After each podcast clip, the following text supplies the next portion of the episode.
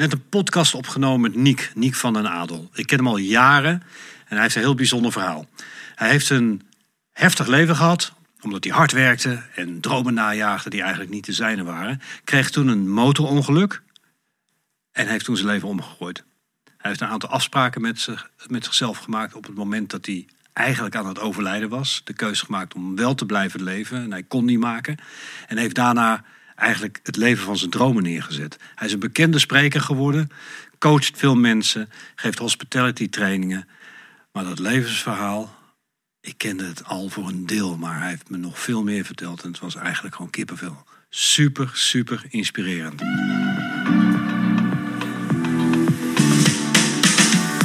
Ontmoet bijzondere mensen. Leer nieuwe dingen. En update je mening. Dit is de podcast van New Life University. Update je mening met Anatol. Kijk naar de podcast op ons YouTube-kanaal New Life University en abonneer je. Niek, er zijn mensen die gaan leven als ze eigenlijk dood hadden moeten zijn. Vertel. Ja, daar begin je ergens mee. Dat is de, de, ja, de, de subtitel eh, van mijn boek. Ja. Ehm, Erg onder de indruk van je boek. Ik heb twee keer gelezen. Thanks. Het is eigenlijk, eh, maar daar kwam ik later pas achter. Hij is, eh, hij is in het Engels verschenen en daar staat heel mooi: Some people need a brush with death to start living. Engelsen Ah. kunnen dingen altijd een stuk mooier zeggen dan wij. Hè? Mhm. Ehm, maar het is wel een beetje waar. Eh, nou, niet, niet, geen eens een beetje waar. Het is voor mij wel waar. En het is niet dat ik niet leefde voor mijn ongeluk. Maar ik denk wel dat ik, dat ik pas 100, 110 procent kan gaan leven. nadat mij iets heel heftigs moest overkomen in het leven. Daar Ja. gaan we het over hebben. Mooi. Vraag aan jou. Kun jij jezelf, lekker cliché, even voorstellen? Want ik ken je al heel erg lang. Erg gaaf dat ik je ooit heb mogen ontmoeten. Maar stel je even voor als je wil. Nou, mijn naam is Niek van den Adel. eh, ehm, en ik eh, ben een gelukkig, ehm, een gelukkig man dat ik eh, met mijn ehm, vakgebied en met mijn verhaal en met mijn lessen die ik eigenlijk heb geleerd in mijn leven, anderen mag raken. Op, met boeken, eh, met spreken, met televisie, met radio, met podcast. Ehm, en daarin spelen drie eh, hele eh, belangrijke kleine mormels een, een, een groot, groot spel. Oftewel, dat zijn mijn drie prachtige kleine dochtertjes. Ehm, eh, waarover ik ongetwijfeld nog wel iets zal vertellen zo direct. Ehm, en dat is ook wel de reden dat ik ja heb gezegd tegen, tegen, de, tegen de podcast. Dus ik vind de wereld mooier maken vind ik echt het grootste cliché wat er bestaat. Maar er zit nog wel een rasidealist tegenover je. Die met dat ene zinnetje wat we net eigenlijk uitspraken. Ik ook wel een, een, een weet je, ik heb weer gekozen om te mogen leven. Maar daarmee nam, het leven, nam ik ook wel een verplichting aan. ehm, om met de dingen die ik doe ook daadwerkelijk iets bij te dragen aan het leven van anderen. En zeg je dan, om, omdat ik het leven nog heb, wilde ik extra gaan teruggeven? Ja, 100 procent. Ja, Mhm. ja 100 procent. En dat ben ik me echt pas gaan realiseren. Daar heb ik een heftige eh, crash letterlijk voor nodig gehad. Mhm. Ehm, maar dat, dat zit elke ochtend ehm, zit dat in mijn hoofd als ik wakker word. En, en daar kan ik niet heel gek veel aan doen. Ehm, er is, dankzij, dat, dankzij dat ongeluk kwam er een hoop pijn, letterlijk pijn in mijn leven, zenuwpijn in mijn leven. Dus mijn ochtenden beginnen gewoon nooit leuk. Als je me even vanochtend deze podcast had laten doen, had je ook een andere Niek Ja. gehoord. Ehm, maar het letterlijk vechten elke ochtend om weer een beetje terug te stappen in het leven. En vechten bedoel ik niet alleen maar uit boosheid, maar dat kan ook uit liefde zijn. Mhm. Ehm, dat zorgt er wel voor dat ik me realiseer van ja, meneer Van der Adel. ehm, je kan gaan doen wat je hele leven hebt gedaan, zeg maar. En dan weer mijn carrièrepad achteraan gaan en feesten en beesten en hoeren Mhm. en sloeren. Maar dan weet ik één ding zeker. En dat is dat ik morgen met nog meer pijn wakker word. Mhm. Dus ik kan maar beter echt dingen gaan doen die me gelukkig maken. Die bijdragen aan het leven van mij, van anderen, van mijn gezin, van mijn, van mijn omgeving en van de mensen die ik mag raken. Ja. Mooi. Eh, en voor de mensen die jou niet kennen, eh, you are looking very good. Maar wat de mensen misschien niet zien is dat jij in een rolstoel zit. Ja. En nou snappen ze misschien wat meer jouw introductie ook. Kun jij op je eigen manier, in je eigen tempo ons meenemen in eh, hoe jouw leven in elkaar zat, zit, op de manier die voor jou fijn is? En dan haak ik vanzelf in met, eh, met, eh, met vragen. En ik zou het heel tof vinden als we gewoon lekker met z'n tweeën gaan, eh, gaan babbelen. Ook, ook later als je dat hebt verteld. Want het is niet zo dat ik de interviewer ben. Ik, ik kickstart het en dan gaan we als twee, twee gezellige mannen aan de slag. Maar je hebt iets heel moois eh, ehm, eh, te delen met ons, denk ik. Het- En, en het is zo mooi voor jou zelfs dat je het elk jaar viert. In juli. Ja, ja dat klopt ook nog. Zou je ja. ons mee willen nemen? Ja, En het is een podcast zonder tijdslimiet. Dus gewoon op je dode gemak. Wat goed. Ehm, ik zal zo direct terugkomen op dat, eh, dat stukje, het stukje vieren. Want ik denk dat dat juist wel, dat is wel een onderwerp waar ik momenteel veel mee, mee bezig ben. Mhm. Ehm, nou, even, even heel in het kort en dan de, de, de historie om je mee te nemen. Ik heb mijn. eh, eh, ik heb een bijzonder gelukkige jeugd gehad. Ben, ben ehm, lekker gaan studeren. Ben in de hotellerie gaan werken. Het vermaken van mensen werd mijn grote topsport. Hotello. Eh, hotello, inderdaad, ja. Dat is een mooie, mooie term. En, eh, en het vind ik nog steeds eigenlijk heel erg leuk. Het, het, het, het vermaken, verzorgen van mensen, dat maakt me nog steeds erg gelukkig. Eh dat ben ik gaan doen. Ik ben toen uiteindelijk vier jaar hotelschool gaan studeren in Leeuwarden. Eh, en ik zeg altijd, na vier jaar las ik de horeca CAO. Dat had ik beter vier jaar eerder kunnen doen. Hè? Dag en nacht. Eh, de tering. En niks verdienen ook natuurlijk. Dus ik denk, ik word consultant. En, eh, en dat werd ik ook. Dus ik werd aangenomen in een zeer prestigieus kantoor in Rotterdam. Grote stropdas, groot maatpak, eh, grote auto, grote telefoon. En heel ongelukkig zijn. Dus ik was heel goed in die twee dingen. Ik ben, ik ben, een, ik ben een dorpsjongetje. Ik ben in Zevenhoop opgegroeid, in het oosten van het land. Ehm, en ik woonde in Amsterdam, in een stad die ik niet, maar ook echt niet begreep. Is veel te groot voor mij, veel te veel prikkels. Mhm. Eh, ik wilde al jarenlang een vriendinnetje, maar hoe ging er in hemelsnaam iemand van mij houden terwijl ik echt niet meer eh, van mezelf hield? Eh, Hoe oud was je toen? ja, 28. Mhm. Ja. ja, dus ik had mijn studie afgerond. Ik was een beetje gaan werken en gaan, gaan keutelen. En, ehm, en, en stiekem was ik steeds gewoon meer en meer een beetje mezelf aan het verliezen. Ehm, de, de druk van de wereld, het moeten presteren. Althans, ik dacht dat ik moest presteren. Mhm. Ehm, die, die was voor mij zo groot. Ik wilde zo graag bij die grote jongens in Amsterdam horen. Dat ik alleen maar keihard aan het werk was om, om zowel in de kroeg, zowel in mijn. In mijn dus ik, ik, in de kroeg was ik net niet populair genoeg. Op mijn werk was ik net niet succesvol genoeg. Maar alles om maar bij die league te gaan horen. Dat vond ik Mhm. heel belangrijk. Het, het, het beste jongetje van de klas. Ik had toen een, in die zijn. leeftijd een soort succesdefinitie eh, die, die, die aan de- mijn ouders eigenlijk aan me gaven. Dat is, je studeert, dat maak je af en dan ga je gewoon eigenlijk een heel traditioneel pad bewandelen. Maar ik realiseerde me pas ergens in de twintig dat, dat, dat ik bezig was met een succesdefinitie waar te maken die niet de mijne was. Mooi. ja. Was dat, was dat wat jij eigenlijk aan het doen was? Eh, ja, ja, absoluut. Ehm, kijk, ik, ik ben opgegroeid in, het, in... Ik heb de perfecte jeugd gehad, zeg ik altijd. Eh, eh, en mijn ouders moesten er altijd heel hard om lachen.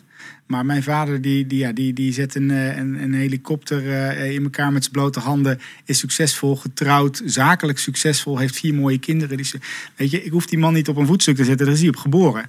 Dus ik was enorm bezig met net zo... Niet alleen maar in geld, maar net zo gelukkig succesvol te worden als het pad van mijn ouders. Ja, absoluut. Mhm, Ehm, en mijn broers en zussen. Het ging allemaal tussen haakjes goed.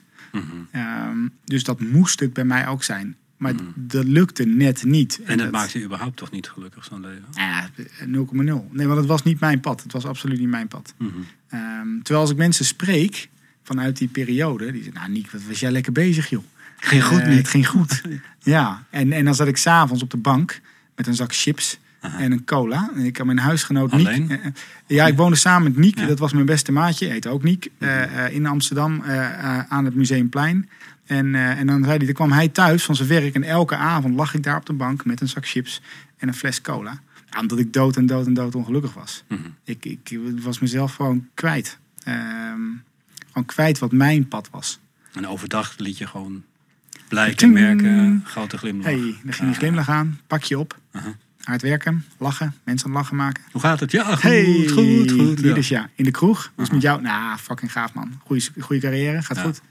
Ehm, en, ehm, en jezelf ongelooflijk, en mezelf ongelooflijk voor de gek houden. Mhm. Ja. En, en dat, dat, dus mijn familie had dat door. Mijn beste vrienden hadden dat wel door. Alleen ik nog niet zo. En, eh, ehm, en toen dacht ik van, nou, nu is het wel... ehm, eh, ik weet nog dat ik, dat ik... Ik was helemaal klaar. Ik was op een gegeven moment dus die consultant geworden. Ik ben bij vrienden nog, die hadden een restaurant in Amsterdam. Ben ik gaan werken, omdat dat, heel, dat vond ik heel leuk eigenlijk. Mhm. Dus in, in, in- door de week was ik consultant en toen ging ik maar in het restaurant werken. Want daar vond ik wel weer mijn plezier terug.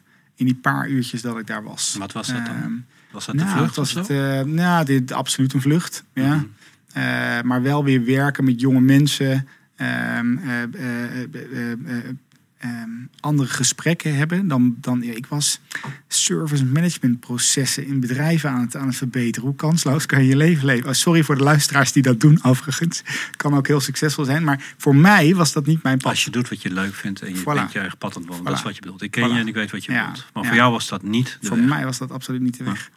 En ehm, eh, dus ik vond daar mijn plezier terug. Die zeiden van Niek, jongen, ga toch weg uit die stad. Kom lekker even bij ons wonen in Bussum.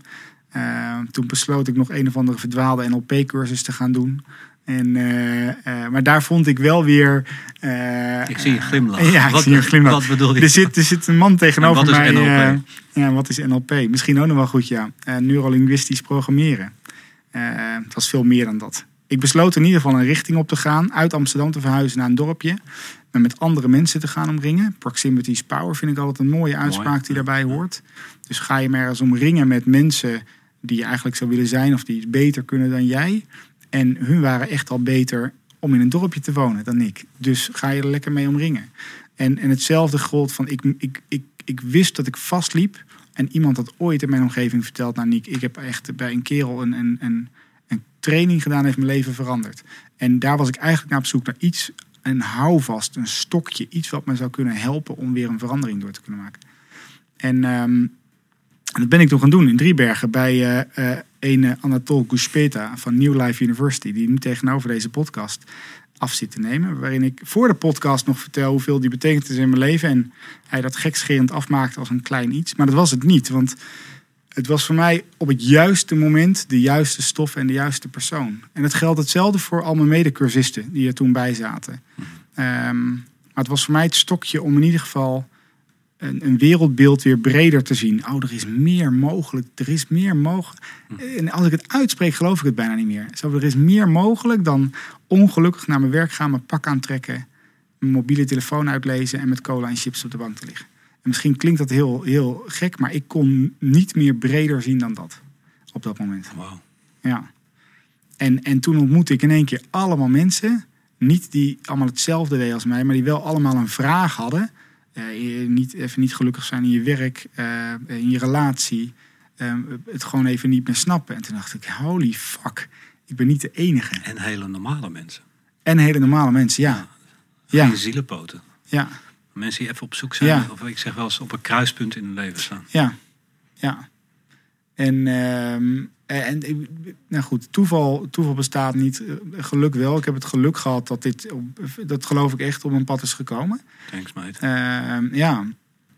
En daar, daar, nou, daar, daar kwam weer vrijheid. Ik wist niet wat me, wat me gebeurde. Ehm, ja, en toen in het tweede weekend, het, het was blok 2, dat weet ik nog erg goed. De, blok 2 was het of blok 3 zou beginnen. Ik, ik, was, ehm, ik had inmiddels een, een, eh, een motorfiets gekocht. Want het hoorde bij mij, bij mijn, mijn groot, dat was al een, jarenlang, mijn hele leven een droom geweest. Vrijheid, daar stond die motor voor. En ik was helemaal geen, geen racer. Eh, ik was helemaal niet iemand die. Ik had een eh, Yamaha Diversion. Is een beetje een, een, eh, werkmotor. Niet gek belangrijk. Eh, maar de vrijheid, haar in de wind. eh, eh, dat, dat was wel mijn ding. Ehm, en toen weet ik nog goed. Toen was ik, ik, ik had een eh, hele week gewerkt. Ehm, het was vrijdagavond. Ik had drie dagen achtereen stuk aan 17 uur gewerkt. We hadden de terras op 100. Ik was weer ergens tussen de horeca ingedoken. En, eh, eh, en we hadden goed gedronken ook overdag.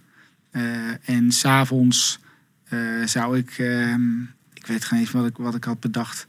Ik zou ehm, willen dat ik werd opgehaald, maar ik had helemaal niks afgesproken met mijn vrienden. De taxis die reden niet meer. En toen stond ik voor die motorfiets, uurtje of drie s'nachts. Toen dacht ik, nou, joh, die tien minuutjes naar huis. ehm, die, eh, dat gaat nog wel. En toen ben ik opgestapt. Eh, en, en toen eigenlijk naar, nou het zal het zijn, twee minuten denk ik, dat ik ben gaan rijden. Ik ben een kruispunt overgegaan. Ik heb ergens, en dat weet ik gewoon niet meer goed, een blackout gehad van vermoeidheid, alcohol, wat het dan ook maar mogen zijn. Ehm, in een bocht waar ik rechtsaf had moeten slaan, rechtdoor gereden, hekje geraakt. Meter of tien door de lucht heen gevlogen. En het was natuurlijk s'nachts, eh het was donker. Ik ben precies tussen twee geparkeerde auto's in een buitengebied ja, op, de, op de rand van de stoep gevallen. Ehm, en daar werd ik eigenlijk eh, weer wakker. En, en dus nogmaals, van het ongeluk weet ik niet meer zoveel, maar wel van, van het wakker worden. En ehm, en in een soort van waas van niet begrijpen wie ik ben, waar ik ben of wat er was, eh, wat er was gebeurd. Daar snapte ik helemaal niks meer van. Dus dat heeft een uurtje of drie geduurd. Dus tussen drie uur s'nachts en zes uur in de morgen heb ik daar alleen op het asfalt gelegen. En die drie uur kan ik me nog wel goed herinneren. En, en uh, daar ben ik echt tot op de dag van vandaag echt verschrikkelijk dankbaar voor. Uh, want in die drie uur um, weet ik dat ik in het begin eh, niet meer wist wie ik was, maar ergens de deal heb gesloten met mezelf. Uh, dit is niet de dag dat ik, uh, dit is gewoon niet de dag dat ik doodga. En, en ergens in de ochtend een mobiele telefoon heb kunnen pakken, uh, 112 heb kunnen bellen en, en, en toen hebben ze me gevonden na, na drie kwartier zoeken. Um, en ik weet nog heel goed, ik heb veel later een briefje van, mijn, van een vriendin van mijn moeder gekregen. En daar stond een mooie tekst op. Daar stond op, Um, Niek, je hebt gekozen voor het leven. Dus dan kies je ook voor de consequenties daarvan. Holy moly. Nou, die is echt prachtig. So right, so true. Ja, hè? Maar wel heftig als je die dan krijgt. Ja, ja. Dus alle uh, pijn, incontinentie, verlies van seksualiteit, alles wat erbij komt. Dat is goed, Niek. Maar je hebt zelf gekozen om te leven. Jij hebt gekozen om 112 te bellen. Jij hebt gevochten voor alles wat je waard was. Mm -hmm. En dan kies je de rest van je leven ook voor die consequentie. Mm -hmm. En ik denk, daar heb je geen ongeluk voor nodig. Dat doen we eigenlijk allemaal wel. Mm -hmm. uh, we maken allemaal shit mee in ons leven. En we sluiten allemaal zo'n deal met het leven. Hè? We sluiten allemaal een deal dat we, dat we een pijnlijk gelukkig leven leiden. Uh, maar goed, ik werd wakker op de, op de IC ergens. En toen werd me dus verteld, Niek, je hebt een hoge dwarslezing. Dus ik ben ongeveer tot, nou, het is uh, boven tepelhoogte verlamd geraakt. En, uh, en, toen zag mijn leven er in één keer heel anders uit. Uh, en nou, dat weet ik nog goed, want jij, jij, kwam, jij kwam inderdaad in dag drie kwam jij langs in het, in het vuur in Amsterdam. Dat heel mooi, met een potje vitamine had je ook nog meegenomen. Iets gezonds, nodig ook, als je ziekenhuis eten krijgt. En, uh, nou ja, en, en, toen kwam er een periode natuurlijk van IC's, van, van medium care naar revalidatie. Mm -hmm. waarin ook heel langzaam nou ja, de hele rouwcurve en, en voor mij wel een nieuw leven begon. Dus het voelt wel alsof ik opnieuw, um, opnieuw wakker heb mogen worden. Op, ik vind rebirth misschien altijd een beetje een, een groot begrip. Maar zo het voelde. Ja, ja 100 procent. En vind je het oké okay als, uh, uh, en als het niet zo is, tel me. Maar ik weet dat je heel erg open bent. En in je boek ga je ook uh, heel ver. Dat is heel inspirerend ook. Dat ik je een paar vragen stel over wat er is gebeurd. Want jij zegt net, die drie uur waren een hele bijzondere eigenlijk uren. Ja. Kun jij een klein beetje een inzicht geven? Hè, want je, hebt, je begon te vertellen wat voor leven je had. Dan heb je uh, drie heftige uren. Dan kan Ja. ik me voorstellen, uh, als ik naar jou luister, dat je dan gaat nadenken over wat je hebt gedaan en wat je zal gaan doen. Soort voornemen. Wil je beschrijven een paar dingen van die drie uur? Ja, Want jij had hem geconcentreerd in drie uur zonder dat je dat eigenlijk wilde. ja, Veel mensen komen daar niet toe. En die komen misschien in de had ik maar eh, sfeer als ze bijna dood zijn. Maar jij werd even gedwongen om na te denken. ja. En zeker in die periode daarna. Maar kun je nog heel weer teruggaan naar, naar, naar die inzichten misschien? Of de gedachten die je had? Ja, ja zeker. Want je zeker. raakte me heel erg toen, toen ik las van dat je nog... eh, Je begon eigenlijk van vooraf aan van... Oké, ik ben, ik ben, eh, oh ja, ik ben Niek. Zoon van. Ja. En langzaam gaat dat dan verder. Ja. Leg eens uit. Nou, de- eerste, de eerste herinnering die ik heb, weet ik nog heel goed. Dus dat, het- dat ik wakker werd en dat ik het dus echt niet meer begrijp. Ehm, letterlijk niet begrijpen. Ik weet niet wie ik ben, ik weet niet waar ik was. Ik weet ook niet. Niemand wist dat ik op die motorfiets was gestapt. En de gedachte die daar voor mij aan zit, is het, is het absolute gevoel van, eh, van eenzaamheid. Ik denk niet dat ik me ooit zo eenzaam heb gevoeld in mijn leven. Eh, omdat ik me heel langzaam dus begon te realiseren. ehm, oh ja, ik heet Niek. Dat kon ik nog ergens voorbij komen. Op de een of andere manier kwam mijn vader heel snel in beeld. Ehm, en, eh, en daarna begon ik me heel snel te realiseren dat, dat er iets mis was. Want ik probeerde te roepen om hulp, maar er kwam geen geluid meer uit mijn... Ik probeerde op te staan, maar mijn lichaam reageerde niet meer. En daar kwam heel snel een ongelooflijk drukkend gevoel van eenzaamheid... en daarmee ook wel een stuk paniek eh, naar voren toe. En, en paniek als in, ja, niks, niks doet het meer. Niemand hoort mij, niemand. Dus heel, met hele kleine beetjes. En het lijkt wel een soort van self-preservation of zo. Kwam dat lichaam, dat gaf heel klein, steeds een heel klein beetje informatie vrij.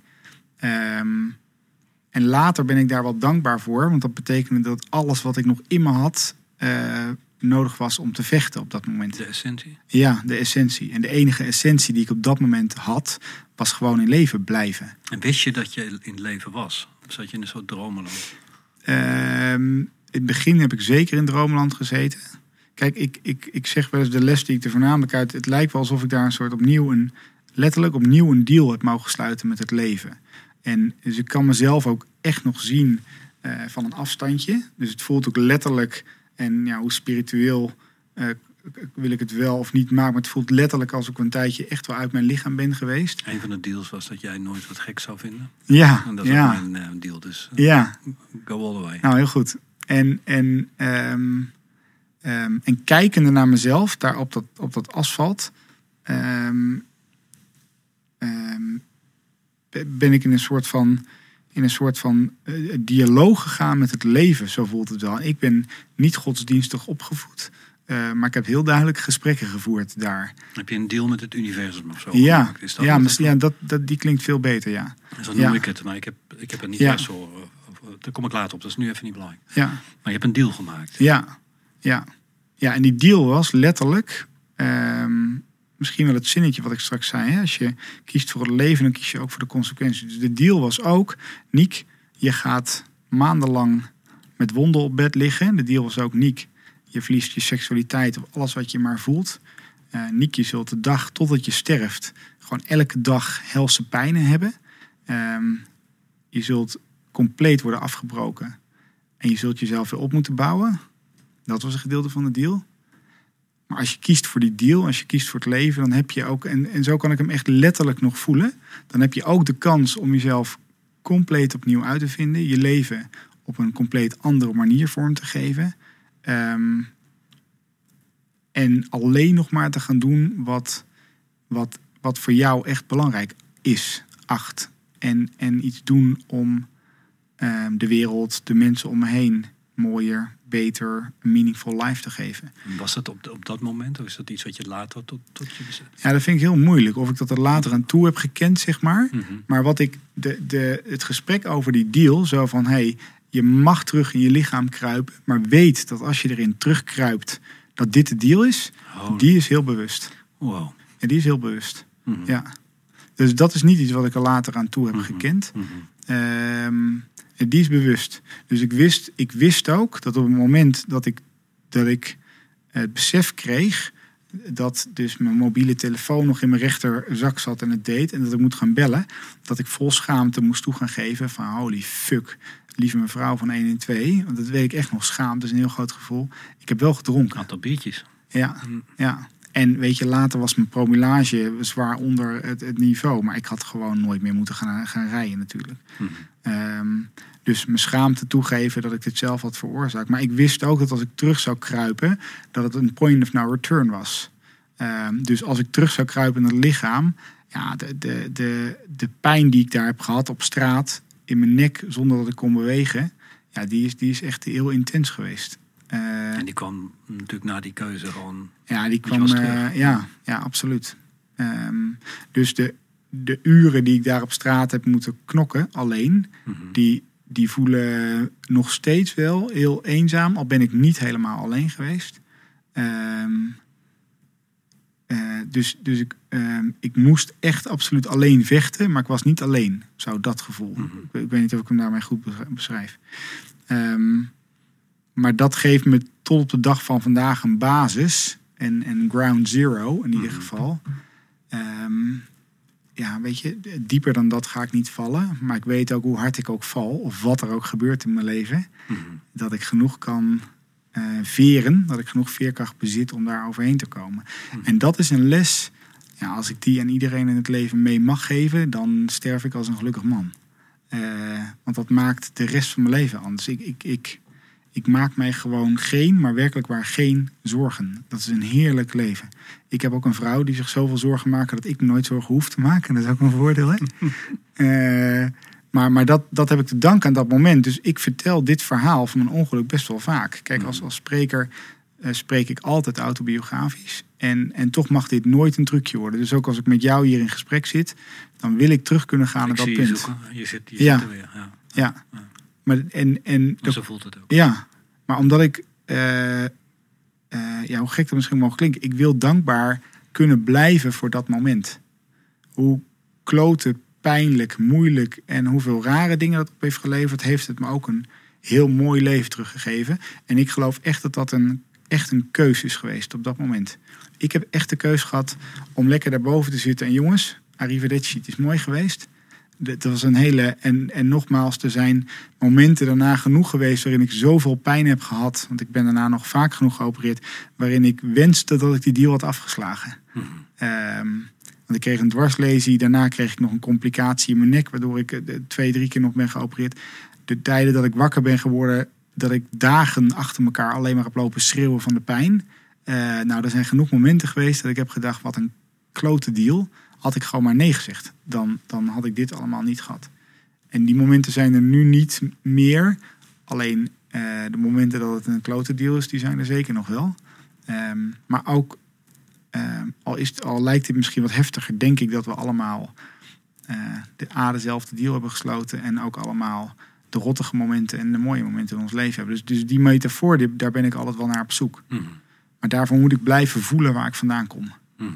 Want als ik dat verlies, dan wordt het een trucje wat ik aan het doen ben. En dat mag het nooit worden. Mhm. Eh, dat mag het nooit worden. En dan, dan ga je dus naar heftige inzichten en naar een heftige nacht. Ga je een leven in, kan ik me voorstellen. Het woord, het woord voorstellen is al verkeerd, maar probeer ik me voor te stellen dat je ook heel veel mensen om je heen gaat krijgen die niet begrijpen wat je dan nodig hebt. Ja. En die misschien ook niet begrijpen wat voor extreme kracht je dan hebt en, en wat je dan zelf echt wil. Wil jij eens beschrijven wat er dan gebeurt als je dan ehm, eh, het ziekenhuis doorloopt en, en de dingen die daarna komen? Wat, wat gebeurt er dan? Ja, de, ehm, Want de vechter ben je. Ja. Want Je had die deal, dus ga je ook door. ja, ja. Ehm, ja, de vraag is of, of iemand eh, je überhaupt het juiste kan geven op het juiste moment dan. Hè? Dus, dus kijk, iedereen, ehm, of het nou het ziekenhuis was daarna of nog steeds. ehm, ik, ik, ik geloof erg nog wel, ergens wel in het goede van de mens. Ehm, maar doet dingen wel vaak uit liefde. Ze zijn alleen niet altijd even handig. Dus ook in het ziekenhuis eh, ben ik compleet fysiek eh, gerevalideerd, hersteld. Eh, ja, maar goed, ook in het ziekenhuis heeft er nog nooit iemand nagedacht over hoe ik eet. Of over hoe ik slaap. of over hoe ik werk. Dus wat heel bijzonder was natuurlijk dat ik eh, eh, relatief snel, en dan zijn we in Nederland goed in, fysiek ben hersteld. Maar mijn uitdaging zat in mijn hoofd. Dus, dus waar ik eh, elke dag ehm, ergotherapie, fysiotherapie, dokters en wat dan ook zag, kreeg ik één keer in de drie weken een uurtje psychologie. En voor een jongen die 28 jaar is, die zelf kon plassen, zelf kon poepen. En nu twee klisma's in zijn kont moet stoppen en een buis acht keer per dag. Nou, had ik echt wat meer eh, nodig dan één keer in de twee weken een gesprekje met psychologie. En dit is geen wijzende vinger naar onze gezondheidszorg of naar de arts Nee, of de psycholoog. Zo, zo zit gewoon ons gezondheidssysteem in elkaar. In. Efficiënt. Efficiënt, ja. Ja, tot de vraag of het efficiënt is, maar dat is een tweede. Ja. Focus op Eh, ja, efficiëntie. focus, focus op efficiëntie, ja. Ja. ja. En ehm, dus dat ben ik zelf, eh, dat ben ik zelf op gaan zoeken. Eh, door, eh, eh, door heel veel coaching in te kopen, door mijn NLP-trainingen en NLP in communicatie was de tijd af te gaan maken. Ja, je bent gewoon terug. Ja, ja. ja dat, dat was een heftig momentje, weet ik nog wel. De eerste keer dat ik terugkwam, mijn groep was natuurlijk klaar. We waren met, ik geloof echt een grote groep, 80 man of zo destijds, waarmee we die training deden. En die hadden natuurlijk, ik denk dat ik over een- dat zal een jaar later of zo zijn geweest. En eh, nee, maar die, die wilde ik dolgraag afmaken. Maar ik moest eerst fysiek. Ik weet nog dat ik de eerste keren echt op ben gehaald door mensen. En in de middag ben gaan slapen. Hartstikke moe. Ja, ja. Ja, hartstikke moe. En toch gaf het me. ehm, ja, kijk, ik denk niemand, wordt- niemand wordt in zijn leven. Of iedereen wordt geboren met veerkracht. Maar veerkracht is ook wel iets wat je kan, kan ontwikkelen. Daar geloof ik echt heilig in. En ehm, er zijn twee manieren. Het heeft een wijsman ooit tegen mij gezegd. Er zijn twee manieren om heel snel te leren in het leven. Dat is of heel veel pijn hebben. Of heel veel stoppen in je persoonlijke ontwikkeling. Zie, Tol, ik heb nog wel wat dingen onthouden van eh, hetgeen we samen hebben gedaan. Nou, die pijn die had ik gehad. ehm, eh, maar die persoonlijke ontwikkeling had ik een enorme drive toe. Dus er gebeurde nog van alles in mijn leven. Ik kwam terug in de maatschappij, dus ik kwam terug uit het ziekenhuis. Even een hele korte bocht. Misschien nog wel belangrijk, want ik ging revalideren in de Hoogstraat, revalidatie. Mhm. Daar werd ik uh, smoor verliefd op mijn ergotherapeuten. En daar kreeg ik de drie kinderen van. Altijd een... eh, en dat veranderde mijn revalidatie nogal. uh, kleinigheidje. Kleinigheidje. Ehm, maar dat maakte wel dat ik kwam, ik kwam terug in het leven. En dan zit ik thuis. Want dat is namelijk niet zo Eh. veranderd. Jij bent dan helemaal Ja. Mentaal, Ja, fysiek. ja, En daar ging Ja. alles door. ja. Ja, absoluut. En dan zit ik thuis op de bank. Eh, kon weer een klein beetje rolstoel rijden. Kreeg een prachtige stuiterende hulphond die ADHD om me heen zat. De hele dag. Ehm, en dan? Eh, want mijn hoofd was nog niet gefixt.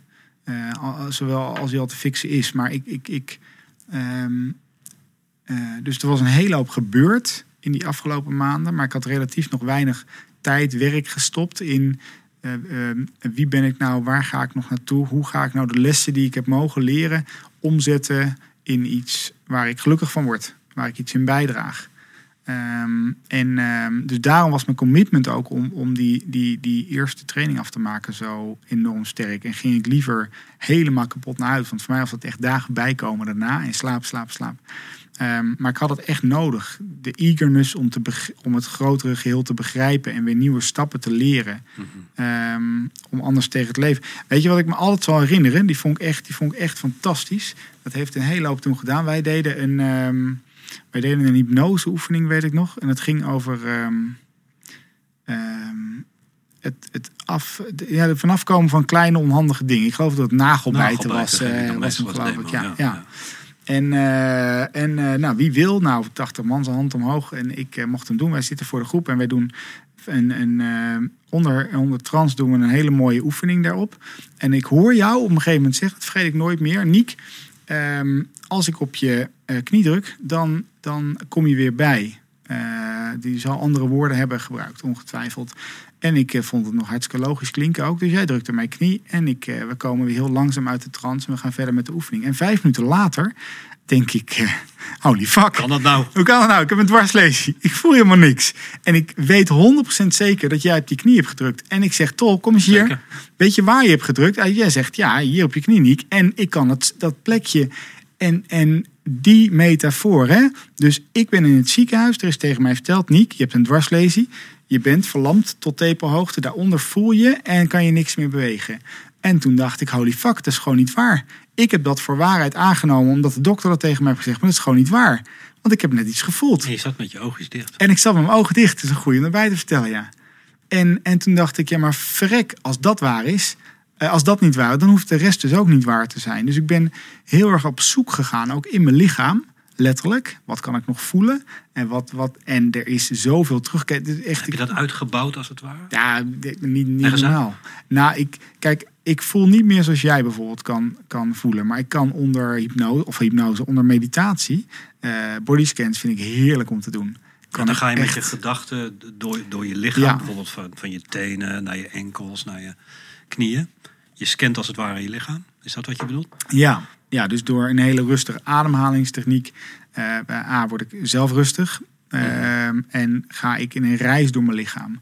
En, en waarom vind ik die, die is een tweeledig is die belangrijk? Omdat ik eh, omdat het voor mij heel belangrijk is om een connectie met mijn lichaam te blijven voelen. Omdat ik die nog wel eens verlies.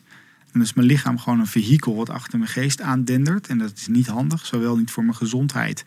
ehm, ehm, eh, zowel niet voor mijn, voor mijn psyche. Dus, dus door die connectie met mijn lichaam te houden, vind ik een bodyscan dus een hele fijne oefening. En dan maak ik een reis door mijn lichaam. En ik voel het dus niet meer zoals jij het voelt, maar ik voel het dus wel nog door, hele, door elektrische schokjes. Eh, door door eh, ja, contact te maken met mijn voeten, mijn kuiten, mijn billen, mijn buik, mijn hart. Ehm, en het voelt ongelooflijk prettig, omdat het heel voelt. En dus, Mhm. dus, dus niet meer de 10% niet daarboven die het nog doet en die ik kan voelen. Maar in één keer is het weer gewoon een heel lichaam. En eh, wat er natuurlijk ook gewoon nog is. Het enige wat ontbreekt bij mij zijn af en toe wat zenuwsignaaltjes die niet of wel doorkomen.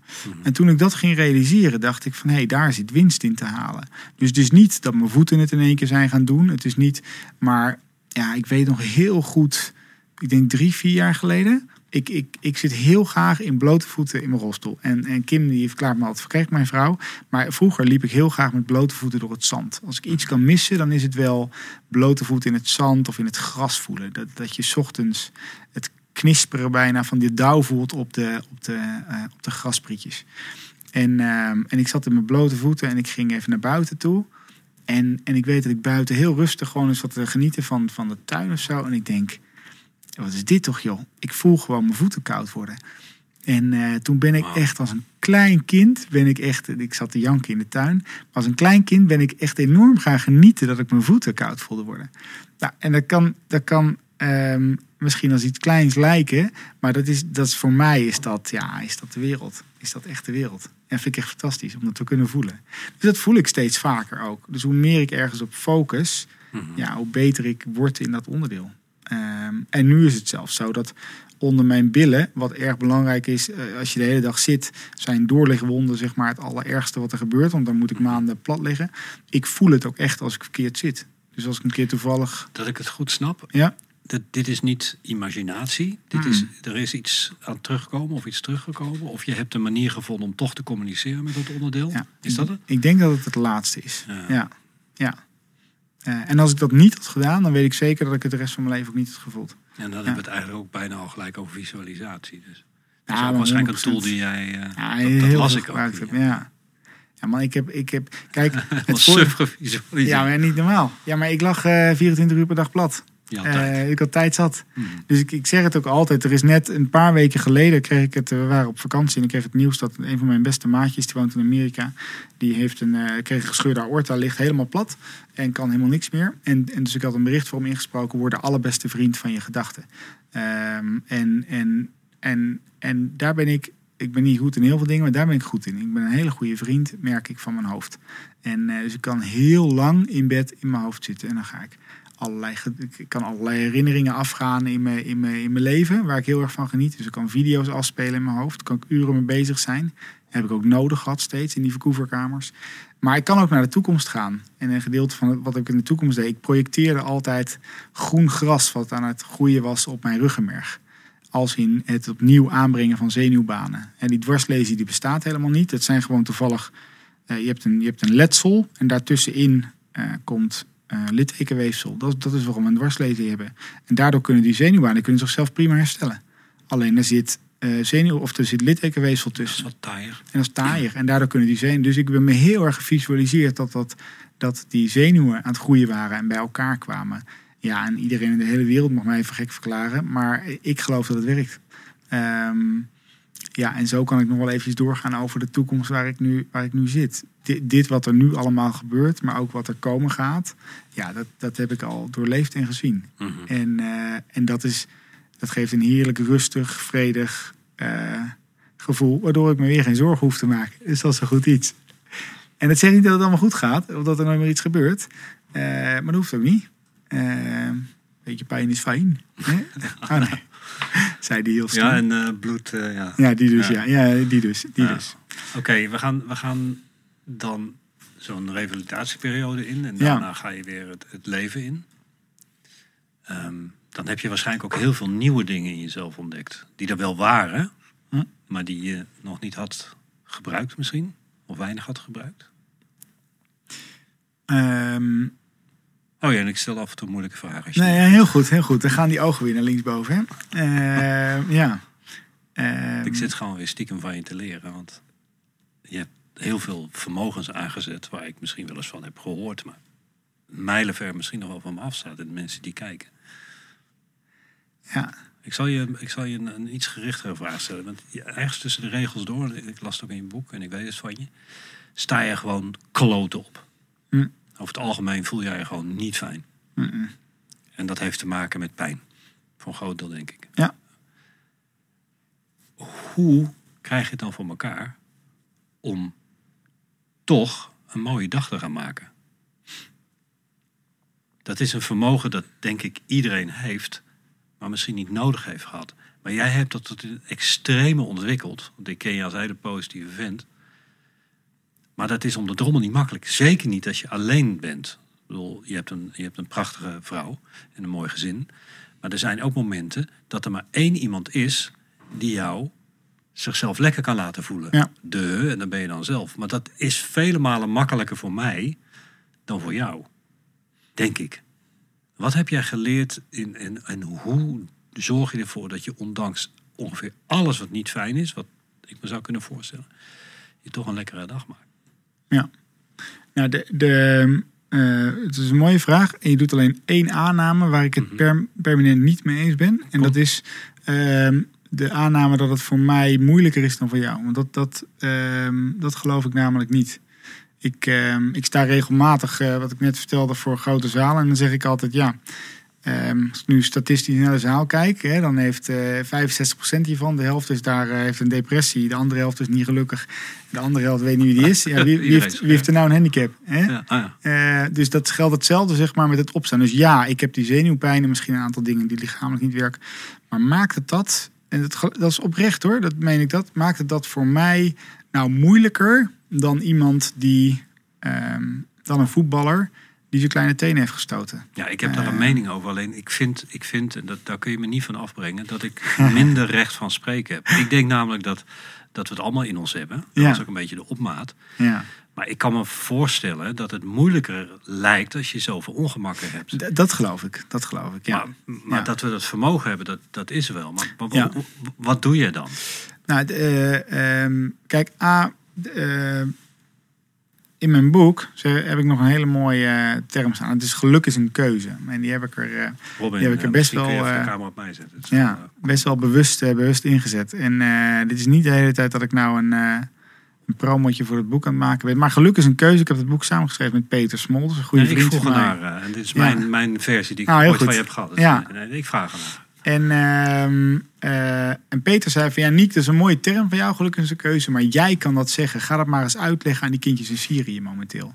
Mhm. En, eh, en later zei ik ook van ja, ik zei het destijds ook bij RTL Late Night toen ik daar zat. eh, en Umberto die vroeg daarna. ehm, ik, ik, ik zit hem er ook een beetje provocatief in, omdat ik er inderdaad in geloof. En ik kom terug op jouw vraag van zo, van, van zo net. Omdat ik erin geloof dat ik er, voor mij is het een keuze. Nou, waarom is het voor mij een keuze? Eh, is dat ehm, veerkrachtig zijn in je leven. Hè? Dus, dus op kunnen staan. Bij mij is het het opstaan. Voor andere mensen is het het omgaan met een, met een burn-out, met een depressie, met niet gelukkig zijn, met niet de juiste baan hebben, niet de juiste vrienden hebben. Veerkrachtig zijn in het leven is iets wat je kan ontwikkelen. Alleen is het niet zo makkelijk gezegd tegen iedereen van ja, ga nu maar eens even lekker veerkrachtig zijn. Of kaats maar eens even terug van die depressie. Nou, dat heeft met een aantal dingen te maken. Dat heeft ermee te maken, ik heb echt een hele gelukkige jeugd gehad. Eh, ik heb in een heel warm bad opgegroeid met twee therapeuten thuis. Ik heb vanaf mijn vierde geleerd om te praten thuis over alles. Mijn moeder was haptotherapeut. Ik heb leren voelen. Ik heb liefde gevoeld. Ik werd in mijn revalidatieperiode, wat ik net zei, weer verliefd. Nou, daar kan geen morfinepil tegenop. Dus mijn omgeving zet mij in staat om ook überhaupt op te staan. Dus als ik nu nog in, in mijn eentje in dat flatje had gewoond in Amsterdam... met die dwarslezen en die sierings en die pijn... eh, dan weet ik niet of ik deze keuze zo makkelijk had kunnen maken. eh, die, die ik nu maak. Dus geluk is een keuze, of veerkracht zijn is een keuze. Dat is niet helemaal waar gebleken. Want als jij opgroeit in de achterbuurt van Arnhem, zonder dat je, eh, of Amsterdam, zonder dat je ooit hebt leren praten. eh, ehm, eh, je doet dingen die je niet leuk vindt. En je hebt vrienden die je op het verkeerde pad brengen. En je krijgt je dwarslesie. Kim die zegt het eens. Die komt dan thuis en zegt: Ah, Niek. Oh, joh, ik heb een revalidant binnengekregen. Sommige mensen moeten gewoon even geen dwarslesie krijgen. Dus dus ehm, ja, iedereen kan het ontwikkelen. Daar ben ik echt heilig van overtuigd. Mhm.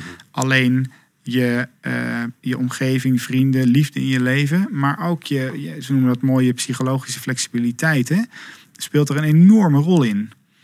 Ehm, kijk, de, de, waarom vind ik dit zo'n fijn onderwerp? Omdat de afgelopen, en ik weet helemaal niet of je dat weet al, uh, Anatol trouwens, de afgelopen jaar. ehm, nou, ik, ik kreeg die dwarslesie. Bij mij gingen er echt nog zo'n 37 tot 40 pillen in per dag om de zenuwpijn eh, onder controle te houden. Dus dat is gabapenine, amitriptyline, nifedipine, morfine, elke dag. En dan om, om 9 uur, dan ging bij mij er een cocktail in en dan zakte ik weg in bed. En ik, Super junkie ah, dan man, ja, en Oh, niet normaal.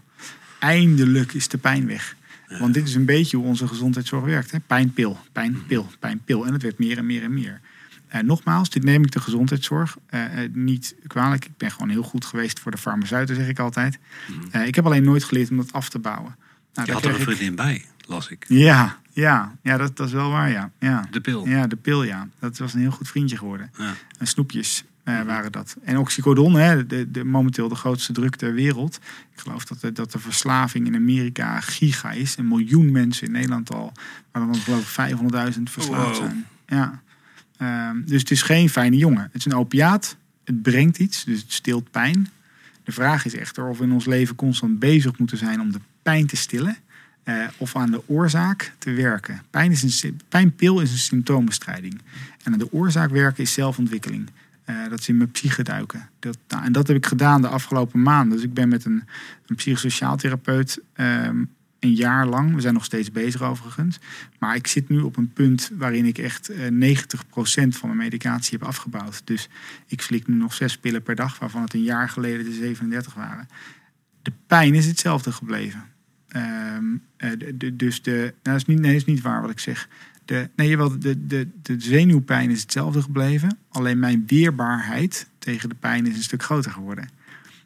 Dus ik heb geleerd dat als ik anders slaap, letterlijk anders slaap, anders werk, anders eet, anders drink, anders met liefde omga in mijn leven, anders met mijn gedachten omga, eh, dat me dat veel weerbaarder maakt tegen pijn. En dat heb je in de jaren geleerd. Nou, eigenlijk het afgelopen jaar, voor het Dat, grootste dat heb je gedeelte. het afgelopen. Ja. ja, en stiekem wist ik het allemaal wel natuurlijk, maar goed, het is een je benadrukking van. Ja. Maar dat is elke week eh, een paar uur therapie en elke week een heel klein beetje afbouwen. En dan s'avonds naast mijn bed zitten kotsen, hallucineren, rondrijden. Want afkicken steeds? van, nee, nu niet meer. Dan Want heb je weken misschien. ja, gehad. afkicken van morfine, dat kan ik niemand eh, aanraden, nee. Oh. Ehm, maar dat geeft me nu wel dat ik nu lekker zes weken op vakantie ben geweest en tijden met mijn dochters heb gehad die ik, nog, die, die, die ik echt in geen jaren heb gehad. Kun je dan ook zeggen dat als je weer eh, clean bent, dat je kwaliteit van het leven omhoog gaat? Ja, honderdduizend procent. Mm, En doordat je hebt geleerd, dat ik het goed snap, want dit wist ik inderdaad. Ik wist dat je aan het afbouwen was, maar ik, ik wist de details niet. He- Heb je eigenlijk toch wel dezelfde kwaliteit van leven nu dan een jaar geleden met die pillen? In het kader van, van pijn en hoe je daarmee omgaat. Maar je, hoe, hoe je in het leven staat en wat je ziet, wat je proeft, ruikt. En je bewustzijn is natuurlijk toegenomen dat je niet meer sedated bent. Is dat Ja, het? honderd procent. Ja, en een heel stuk eigen regie dat ik dus niet meer van die pillen afhankelijk ben. De gedachte Ehm, alleen. Ja, ja. Hmm. Maar dus wat, de, de- ik neem een aantal onhandige zakelijke beslissingen voor mijn, voor mijn eh, vakantie. Nou, dan patsboem, dan gaat die pijn weer gelijk door het dak heen. Dus hoeveel gedachten letterlijk dus invloed hebben op pijnbeleving. Mhm. En ik vind dit, ik heb het even nu over pijnpillen en zenuwpijn, hè, maar dit is een letterlijke metafoor naar, naar eh, tegenslag in het leven. Eh, wij doen er alles aan als mensen om maar geen tegenslag. Dus we hebben allemaal, toen we geboren zijn, die deal gesloten. Je gaat heel veel leuke dingen meemaken. Mhm. Maar je gaat ook meemaken dat je depressief wordt, dat je gaat scheiden, dat je werk niet leuk. Wij doen er als mensen alleen alles aan om onder die deal uit te komen. Want wij accepteren tegenslag niet meer. En waarom is dat dan zo? Ja, dat is, dat is, dat is, dat is denk ik dat is een beetje de evolutie van de mens. Dus wij slikken allemaal even, onze... even de evolutie van de ja, mens. op. slikken, nou, we- nou, we slikken allemaal pijnpillen. Ik bedoel, het baan niet leuk, gaan we toch een andere baan doen. Eh, de relatie niet leuk, kopen toch een Tesla, weet ik veel. Eh, eh, eh, depressief, nou, daar hebben we toch pillen voor. Niet genoeg concentratie, doen we toch Ritalin in. Dus we slikken allemaal, mijn week niet leuk, dan zuip ik toch gewoon wat meer. Ik ben moe, ga ik toch lekker Netflixen. Dus we slikken allemaal pijnpillen. Dat is niet erg, maar dat is iets anders als de tegenslag, de pijn aangaan in je leven. En dat heb ik even, even moeten leren. Is dat dat jaar. be- bekende confronteren en gewoon het zien zoals het is? Confront the brutal facts, Hmm. is dat het? Eh, ja, ik denk het wel. Ja, zeker. Aha. Ja, zeker. En hoe, hoe is dat dan? Ja, pijnlijk. Want? Eh, nou, omdat het, omdat het veel makkelijker is om die pijnpil te nemen dan het echt aan te gaan. Omdat het sneller is? Ja, weet je, letterlijk even bij mij, s'avonds, als ik nu ga slapen, dan mediteer ik 20 minuten. Dat is veel zwaarder als even wat oxycodon erin gooien. Even een eh, detailvraag daarover. CBD-olie? Juist niet. Juist niet. Interessant. Ja. Ja, dit was mijn eerste punt. CBD-olie, ik ga het gewoon vervangen. Hè, door, door... En toen zei mijn therapeut, zei, Nick, dat is goed. Als je dat wil doen, dat is prima. Maar dan gaan we nog steeds het een vervangen met het andere. Laten we, laten we het eens proberen hoe ver we met de kracht van je geest kunnen komen. Want je hebt nog steeds een extern iets nodig Ja, om die helder. pijn te stillen. Eh, en nu merk ik, ja, dat is, ik kan het niet uitleggen en ik had je niet geloofd. Want iedereen die nu zit te luisteren, want er zullen mensen aan het luisteren zijn die zelf misschien echt pijn hebben, Mhm. of veel pijn hebben gehad. Ja, die verklaren mij nu helemaal voor gek. Die denken, wat zit er weer even een of andere kerel een mooi verhaal te vertellen over hoe die van Ja, want ik denk, ik dacht precies zo over al die gasten altijd. En ik kan nu letterlijk 20 minuten mediteren naast mijn bed. En dan voel ik in één keer woesh, echt een pijnreductie van 80%. Dat is, ja, ik, ik ziekelijk gaaf hoe, ga, hoe ik dan aan het lachen ben naast mijn bed. Ja, ik Alleen, alleen het kost 20 minuten. En niet pil erin en weg. Oké, meditatie. Welke meditatie? De vorige, vorige gast eh, die deed aan eh transcendente meditatie. Mooi. Be- Heb jij een bepaalde vorm van meditatie? Ja, verschillende. Eh, dus in mijn bed, ik vertelde net over die bodyscan. Ja. Eh, die kan heel erg helpen. Eh, s ochtends, wat mij heel erg helpt. Kijk, dus mijn, mijn ochtenden word ik wakker. Dan zijn mijn halfwaarde tijden van mijn medicatie. Ik ben er nog niet helemaal vanaf. Hè. Die zijn op zijn einde, dus dan heb ik veel pijn. En veel is relatief, maar voor mij voelt het dan als veel. Mijn armen staan dan in de fik te schieten. Allemaal bliksemschichten door mijn nek heen. En zo word ik dan wakker. Eh, vroeger, pil erin, tien minuten daarna, niet chill. opstaan en grote glimlach. Hè? Ehm, en wat ik nu doe, is het, is het eh, nou, een welbekende techniek misschien, maar primen van mijn dag. Eh, dus letterlijk door Ja, een verandering. Nou ja, Vertel eens, vertel eens, leg eens uit. ja, nou, het is een verandering in, in twee dingen. Dus het is een verandering voor mij in fysiologie. Dus ik doe letterlijk een aantal oefeningen eh, bij deze. Dit is een, voor, voor de luisteraars die, die Tony Robbins kennen, maar een, een, een, een grootheid op het gebied van eh, persoonlijke ontwikkeling. Waarbij ik letterlijk kracht naar binnen sla, maar letterlijk mijn fysiologie verandert. En voor mij is dat lekker, omdat ik mijn armen daarin kan bewegen. En die doen het natuurlijk nog. Dus ik kan verder niet zo gek veel met mijn lichaam doen.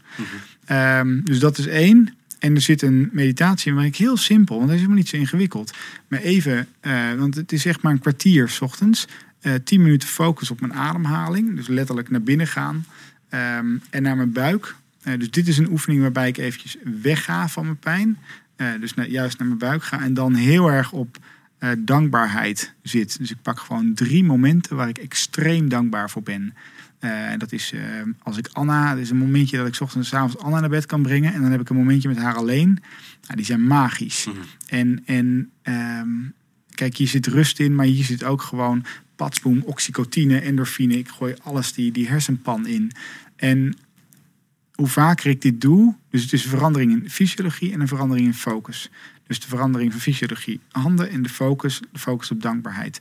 Dit doe ik een kwartier in de ochtend en dat doe ik nu een half jaar of zo, denk ik. Ja, en daardoor heb ik zo'n ander begin van de dag. Zo'n compleet ander begin van de dag. Voor je lichaam en voor je geest. Ja, 100 procent. Ja. En dan zet ik een heerlijk lievelingsmuziekje op. Mhm. Ik ben auditief sterk ingesteld. En ja, dan word ik. En, dat, en, en ik zeg niet dat het me altijd lukt. Hè. Ik ben hier geen Mr. Positivo. Die, die, maar dit lukt me nu 90% van de tijd. Mhm. En vroeger eh, lukte het 90% van de tijd niet. Ehm, en dan start je echt anders op. Dus dat begin van de dag. Eh, boos zijn, verdriet. Ik, ik kan echt nog steeds de, de blauwe plekken op mijn benen herinneren. Die sloeg ik omdat mijn spasmen moesten stoppen. Zo boos kon ik zijn op die benen die alle kanten opschopten. eh, zonder dat ik er controle over had. Ehm, en nu start ik op in dankbaarheid. Dat is even anders. Ja, en, en, en, en ik denk dat dat, dat is geen. En dat is geen, voor mij is dat nog steeds niet een makkelijke. Dus het zit nog niet zo in mijn systeem dat ik er al ben of dat ik nou. Het is nog steeds werken. Ehm, maar dat is prima in deze periode. Vraag. Ja, Waarom, dat gaat namelijk niet vanzelf. Het levensactief werkwoord. ja Nou van ook. mooi. Ik weet dat je hebt gezegd, ik heb die deals met, ik, ik zei dan even het universum gemaakt. Dat Ja. weten we. Daar hou je aan. Daar heb je ook heel veel voor teruggekregen. Hoe hou je dat nou vol? Want is het niet zo dat heel veel mensen zichzelf iets voornemen Hmm. en het dan misschien één, of twee keer doen en dan weg? Hoe hou je dat vol? Is dat omdat je wel moet, omdat je anders pijn hebt? Of zit daar een andere drijfveer onder? Nou, voor sommige dingen zit er een Pavlovje in inderdaad. Ja, hè? Dus dat is letterlijk... Ik, kijk, ik, eh, toen wij elkaar nog kenden, ik, eh, ik, ik rook niet meer. Eh, ik drink, Ja, je paft ook nog, ja. Ik drink niet meer. Ehm, ehm, eten, gezondheid, vitaliteit is bij mij nog een ding. Dat is echt wel de derde stap. Hebben we ook in de therapie als derde stap. Daar gaan we nu juist heel erg de focus op leggen.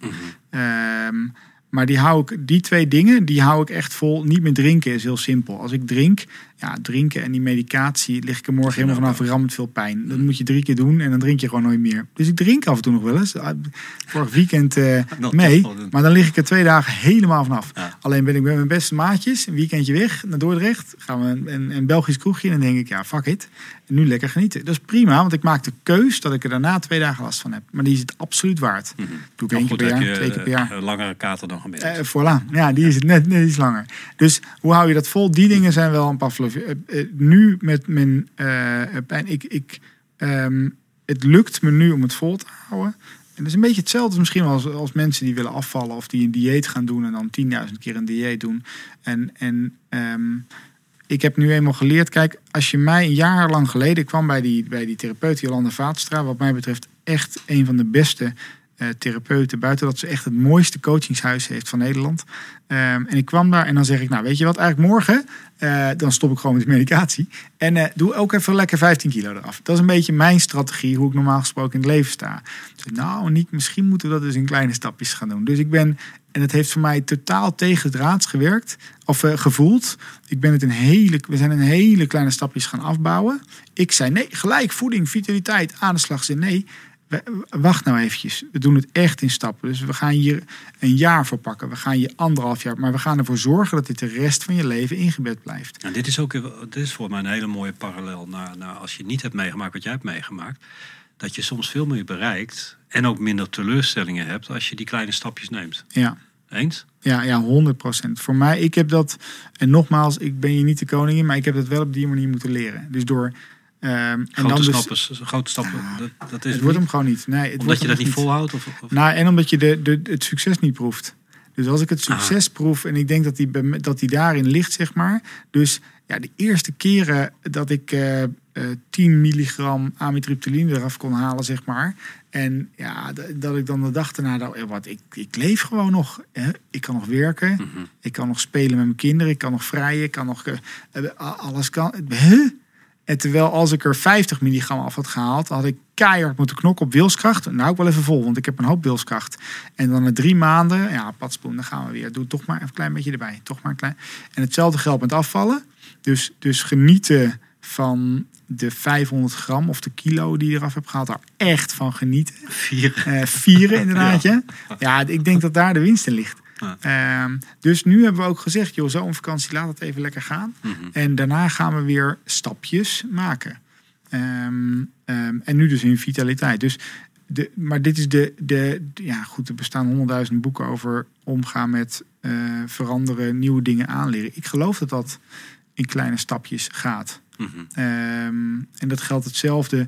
Wil je, eh, wil je financieel onafhankelijk worden, wil je meer geld verdienen, dan moet je gaan genieten dat er 100 euro meer op je rekening staat. Mhm.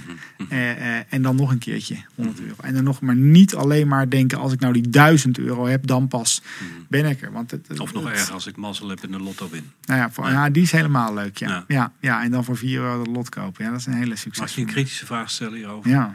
Eh, en kritisch in de zin van dat ik zelf het antwoord denk te weten, maar het niet helemaal zeker weet. En, en voor jou is het misschien een beetje introspectie. Stel nou voor dat je een, een eiland zou hebben, een onbewoond eiland, waar jij met dezelfde conditie zou komen waar je nu in zou zitten. Zou je dan nog steeds, eh, en ik vraag dit niet alleen voor mezelf, ook maar voor mensen die kijken, zou je dan nog zelf uit jezelf die kracht putten om elke dag dat kleine stapje te doen. Oké, dag drie misschien even niet, maar dag vier er weer tegenaan. Of wordt dit ook gedreven door het feit dat je, dat je van je omgeving misschien nu al moet? En want dat heb ik gemerkt in, in, in mijn leven.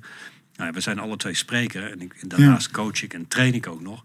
Mensen kijken altijd een klein beetje tegen me aan en soms een klein beetje tegen me op. En ik heb het fantastisch voor elkaar. Mijn leven heeft geen problemen. Alle, alles Dat weet ik, dat weet. Oh man, Ja, I, terecht. I've been there man. En Ja. af en toe nog de shit, absoluut.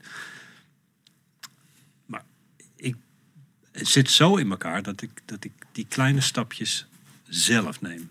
En ik noem dat dan zelf-propelled, zelf aangedreven. Hm. Ben jij dat ook? Was je dat ook? Of is die omgeving ook nog een bepaalde stimulans? Hoe, hoe doe je dat? Met andere woorden, Nico op een onbewoond eiland. Ja. Na, na, na de crash, na alles wat je hebt meegemaakt. Is er dan nog een next level? En dan haal je dat er dan nog uit. En hoe zit dat? Ja.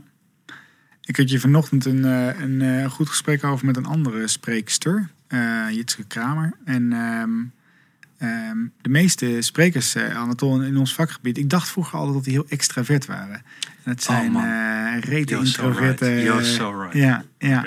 Een andere uitzending ga ik daar lang over praten. Maar nu zo lang als je wil. Maar dat Ja. klopt, ik ben zelf heel erg introvert. Ja, ja, hier, nog dat is eentje. elke keer dat gevecht met dat podium. Ja. Maar goed, het gaat even Ja. om jou. Vertel. Nou, nee, maar hier nog eentje. Dus, dus wat ik wel heb geleerd is dat de meeste mensen mee ik me omring hartstikke introvert zijn. En met introvert, extrovert bedoel ik dat je de kracht, dat je de energie, dat je de inspiratie uit jezelf haalt. En niet per se je omgeving daarvoor nodig hebt. En het is zelfs fijn om alleen te zijn. Oh, voor mensen die introvert zijn. Ja. Nou, de- wat er nu niet te zien is op deze mooie video, is dat hier voor de deur een hele grote Volkswagen Transporter staat.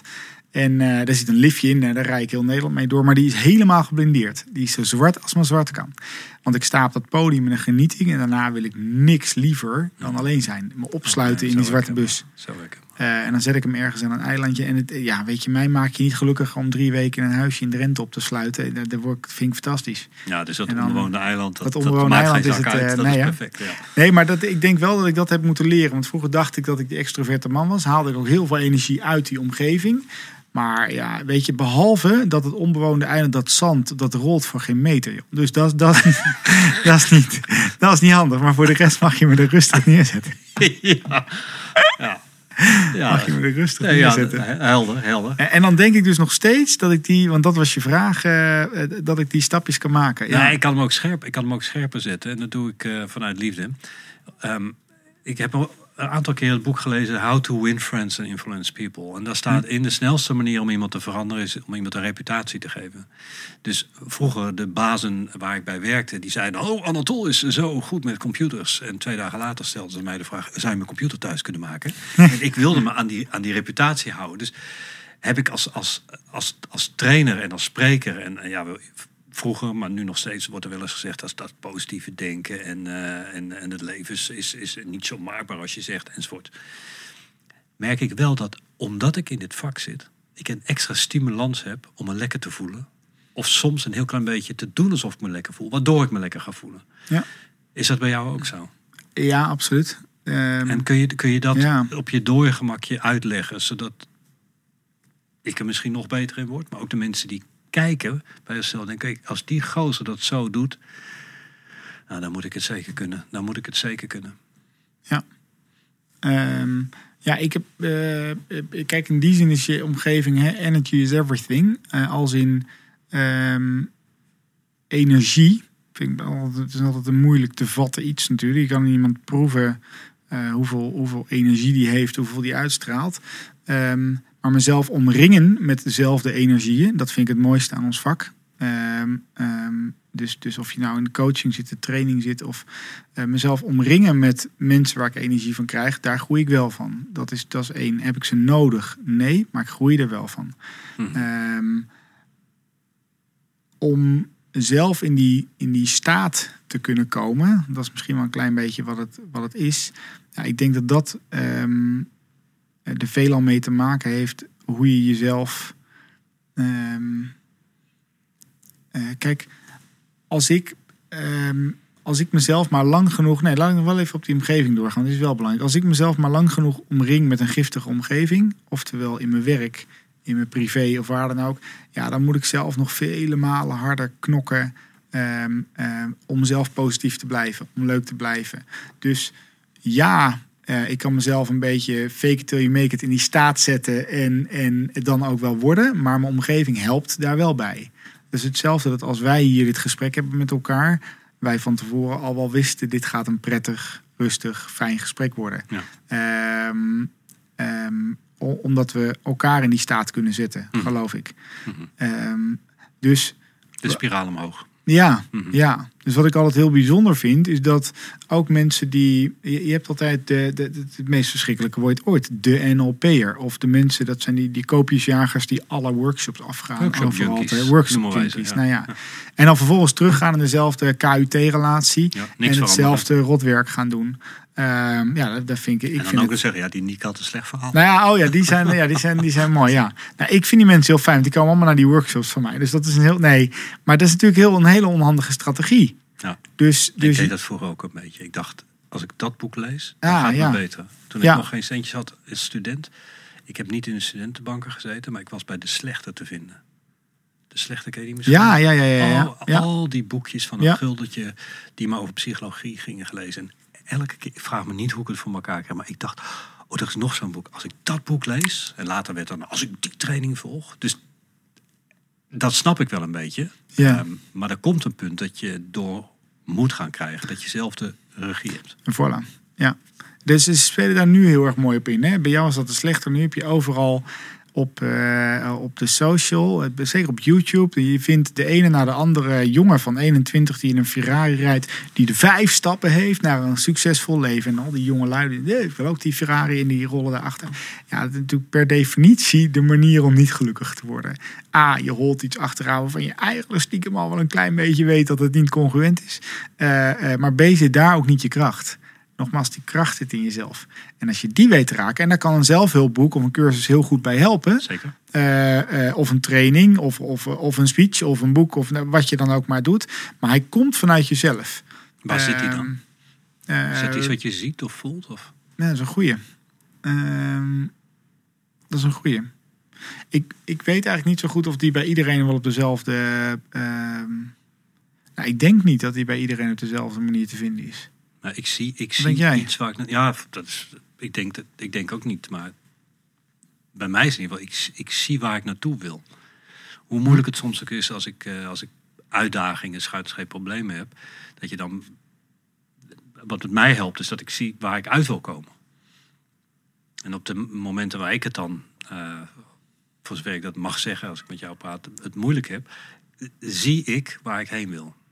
En bij mij is dat, dat de trigger. Dus ik heb op een of andere manier een soort la-la-la-land dan in mijn gedachten. Van daar moet ik heen, whatever it takes, blijf doorgaan. Tijd krijg je vanzelf, gaat vanzelf, tikt vanzelf door. Zorg dat je goede strategieën eh, hebt. Eh, Lees je boeken, ga naar je opleidingen, kijk naar YouTube. En dan ga ik aan de slag. Maar ik blijf dat, dat vasthouden waar ik heen wil. Hoe moeilijk dat soms ook is. Doe je dat ook zo of heb je een andere manier? Nou, wat ik, wat ik hoor in je verhaal, en die vind, ik, die vind ik altijd interessant. Hè? Kijk, jij hebt ergens dus een manier gevonden. Dat is A al eh, bewonderenswaardig dat je, die, dat je die stip op de horizon kon zien. Of dat je in ieder geval ziet, voelt, dat hoor ik nog meer. Daar, daar wil ik naartoe. Dus daar komt een drive vandaan. A, ken ik een hele hoop mensen die dat niet al kunnen zien. En dan helemaal niet snappen hoe ze daar moeten komen. Mag ik dat toelichten? Ja, nee, heel graag juist. Er zit, het- dat kan een hele kleine stip zijn. Ik zat Hm. laatst vast met mijn voeten ergens op een gevaarlijke plek. En dan is niet de stip dat ik mezelf weg zie lopen. De stip is dat ik dan zie hoe mijn voet eruit komt.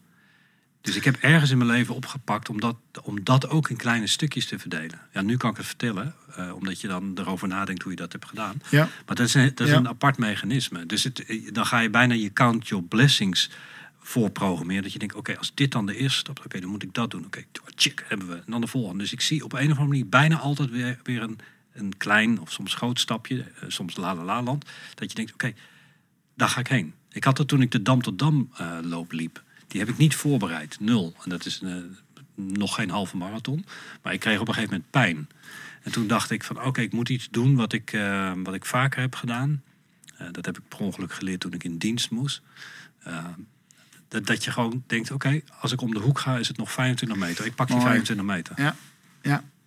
Maar Ja. hoe doe jij dat? Ah, dit is Want jij hebt alles, Ah. alle recht om dat te zeggen hoe je Maar dat dit doet. is En precies hetzelfde. Maar dit is precies hetzelfde.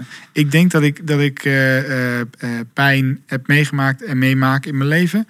Die, die, waarvan ik hoop niet dat iedereen ze krijgt. In ieder geval, dat ik hem zo voorzichtig nog uitdrukken. Mhm. En, en ik kan me goed herinneren, ik werd voor de. Eh, in twee jaar tijd werd ik voor de derde keer geopereerd door de wereldspecialist in Duitsland. eh, aan die syringomelie. Dat is een complicatie in mijn nek. Er zit een vochtbel of een soort holte in mijn nek en die drukt tegen mijn zenuwen aan. En daardoor heb ik zenuwpijn. Althans, dat is iets wat ik heb aangenomen, wat niet waar blijkt te zijn. Maar dat is iets wat ik. MRI, je ziet er iets mis in mijn nek. En toen heb ik gezegd, nou, dan zal het wel zo zijn dat ik daardoor pijn krijg. Robin schakelt even iets op het scherm. Dit, Ja, dit zouden mensen zien. Kun jij eens En, laten eh, zien waar, waar, waar ja. het bij jou misging? Ja, absoluut. Dus waar je. ehm, eh, bij- je noemt het eigenlijk. eh, sorry Ja, nee, maar dat is heel goed. Je hebt zeg, je, je bovenste zeven wervels, dat noemen ze je cervicale wervels. Die dus ja. Is dat dit, ja? Eh, Ja, en daaronder beginnen je thorakale wervels. Nou, en eigenlijk vanaf die cervicale drie noemen ze dat mooi. Dus dan halverwege mijn nek tot en met halverwege mijn rug. Daar zit een soort van holte in mijn ruggenmerg helemaal. Nou, en aan de, aan de voorkant van je ruggenmerg, daar zitten je, uh, zitten je uh, het moet goed, de doktoren die gaan me nu verrek verklaren. Maar daar zitten je sensibele zenuwen, aan de andere kant zitten je motorische zenuwen. Mhm. Dus dat drukt constant tegen die sensibele zenuwen aan. En dat zorgt ervoor dat ik, er is helemaal niks mis met mijn armen, maar dat zorgt ervoor dat daar zenuwpijn zit. Er is niks mis met mijn schouder, maar het zorgt ervoor dat ik daar. Um, um, nou, dit is een, dit is een aanname zoals we hem vanuit de wetenschap ook kennen. Thanks, Uh, thank you. En, en daar heb ik eigenlijk wel spijt van dat ik die ooit heb geloofd. Uh, want door die aanname, zeg maar, is mijn pijn ook chronisch geworden. Uh, dus ja, er is iets mis in mijn nek. Dat, dat, dat klopt allemaal. Um, alleen mijn gedachte over mijn pijn heeft zoveel invloed op die pijn. dat ik spijt heb dat ik heb aangenomen dat het daardoor komt. Kan je me nog volgen? Ja, absoluut. Ja, ik heb, mag ik ja. een vraag over stellen? Ja. Um, jij zei iets uh, over de dwarslezing. Dwarslezing, dan zijn er touwtjes doorgeknipt. Ja. Zeg ik het even simplistisch. Ja. En op die plek is littekenweefsel ontstaan. Dat is Ja. wat taaier spul, zodat eigenlijk de, de, de, de taak die die, die, die uh, beschadigde zenuwcellen hebben van jongens, kom op, beschadigd, we gaan, we gaan, we gaan weer groeien en we gaan uh, andere uiteinden bij spreken zoeken. Dat kan niet omdat er littekenweefsel is. Wat ik nou fascinerend vind, en ik heb maar een half antwoord, dus misschien weet jij er meer over, is dat als ik in mijn vinger snijd en ik snij flink in mijn vinger, per ongeluk, dan krijg ik littekenweefsel. Nou, je hele lichaam is ongeveer binnen negen maanden voor het grootste gedeelte qua cellen helemaal vernieuwd. Ja. Sommige cellen uh, uh, vernieuwen zich om de drie, vier, vijf dagen. En sommige hebben er dan negen maanden voor nodig. Ik weet niet of het wetenschappelijk is wat ik zeg, maar 99% van je cellen zijn na negen maanden weer opnieuw. Dus blijkbaar zit er ergens een groep met cellen die denkt: hmm, we gaan vernieuwen, maar we moeten wel weer littekenweefsel vormen. Ja, En als ik dat combineer met de helende reis van Byron Katie, mooi. Ja, laten we dat eens even verkennen. ja. Ehm, ja, then the possibilities are endless, hè? En dat Ja, vind dat ik durf een, ik niet te zeggen. Nou ja, daarom vind ik het Jij ook. mag het ja, zeggen. ja, ik vind het een hele. ehm, Ik geloof erin, 100%. En ik vind het ook een hele enge gedachte. En, en eng mee bedoel ik dat dus. ehm, ergens geloof ik erin dat ik met mijn gedachten al een stuk helend bezig ben geweest voor mijn lichaam. Hallo, je zit hier. Eh, nou ja, nou, ook die dus Ja. nog, ja. Maar kan ik nou met mijn gedachten... Nou, nee, dat is niet, misschien moet ik hem zo zeggen. Ik ben nu nog niet eh, sterk genoeg in mijn gedachten om mijn hele lichaam te kunnen helen. Dus oftewel, hey Niek, als je net iets beter na kan denken of net iets beter, dan heb je geen dwarslezing meer. Die vind ik nog net iets te groot. Alleen ergens daar in de, in de midden ligt wel de waarheid. Eh, want er is al een gedeelte teruggekomen en er kan al meer. Ehm, dus En eigenlijk zei er ooit een dokter eh, bij, jou, bij jouw bed, dat is compleet. die is Klaar. dood. Ja.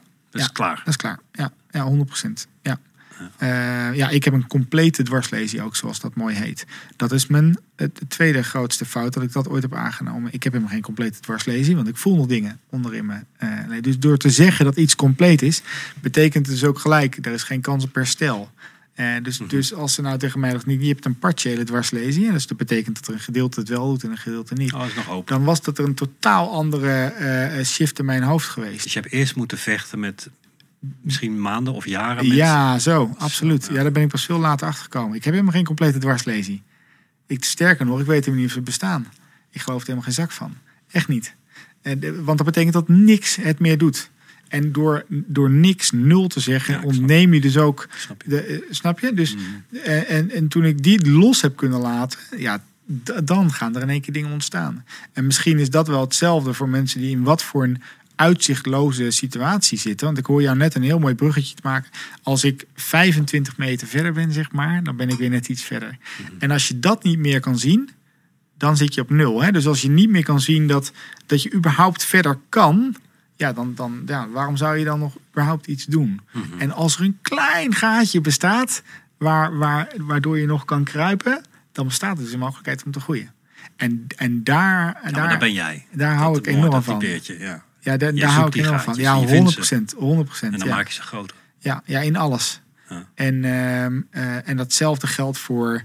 Eh, ehm, datzelfde geldt voor liefde, dat geldt, geldt voor geld. Dat geldt, nou, de, de, de, mooie, de mooie vier vragen die je leven. eh, eh, dat is het, is het, is het, is de, de overtuiging. Dus stel je hebt de overtuiging in je leven. ehm, ik zal nooit meer liefde vinden of ik ben de liefde niet waard.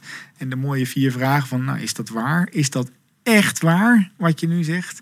Ehm, eh, dus is er geen enkel gaatje mogelijk? Ah, nou, Nou, wacht even. Er is misschien één. Nee, patsboom. En dan heb ik mensen. Nou, dat gaatje was er. En toen, toen vond je het en toen ging je er ook nog mee trouwen. Nee, ook nog. Ja, ook nog. Ja, ja, ook nog. Maar, maar dat is, Byron Katie heeft u ook ooit, die vragen toch ook gesteld? ja, ik geloof dat dat van haar is. Ja, ja. Ja. ja ik geloof En- dat en zo- zo- zo vragen die leven veranderen, geloof ik. Ik heb ze niet paraat, sorry. Nee, ik ook niet. Nee, nee. Eh, het zou leuk zijn als je een goede technicus hebt die dat even tevoorschijn kan toveren. Dat, eh, Ja, ja, Ja, ja, ja. dat gebeurt op dit moment links. Eh, Ja, ja, ja, dat dacht ik al. Dat dacht ik al. Mag ik heel even naar je vrouw nog teruggaan? Ja, Want graag. Jij, Heel jij, graag. jij vond het gaatje van liefde. Eh, eh, en, en ook nog hoop dat de liefde voor jou was weggelegd. Eh, en, en ik weet niet of dat daarvoor was of daarna dat je haar vond. Maar toen je dat, dat misschien zag, heb je je misschien kunnen openstellen voor het feit dat zij er was.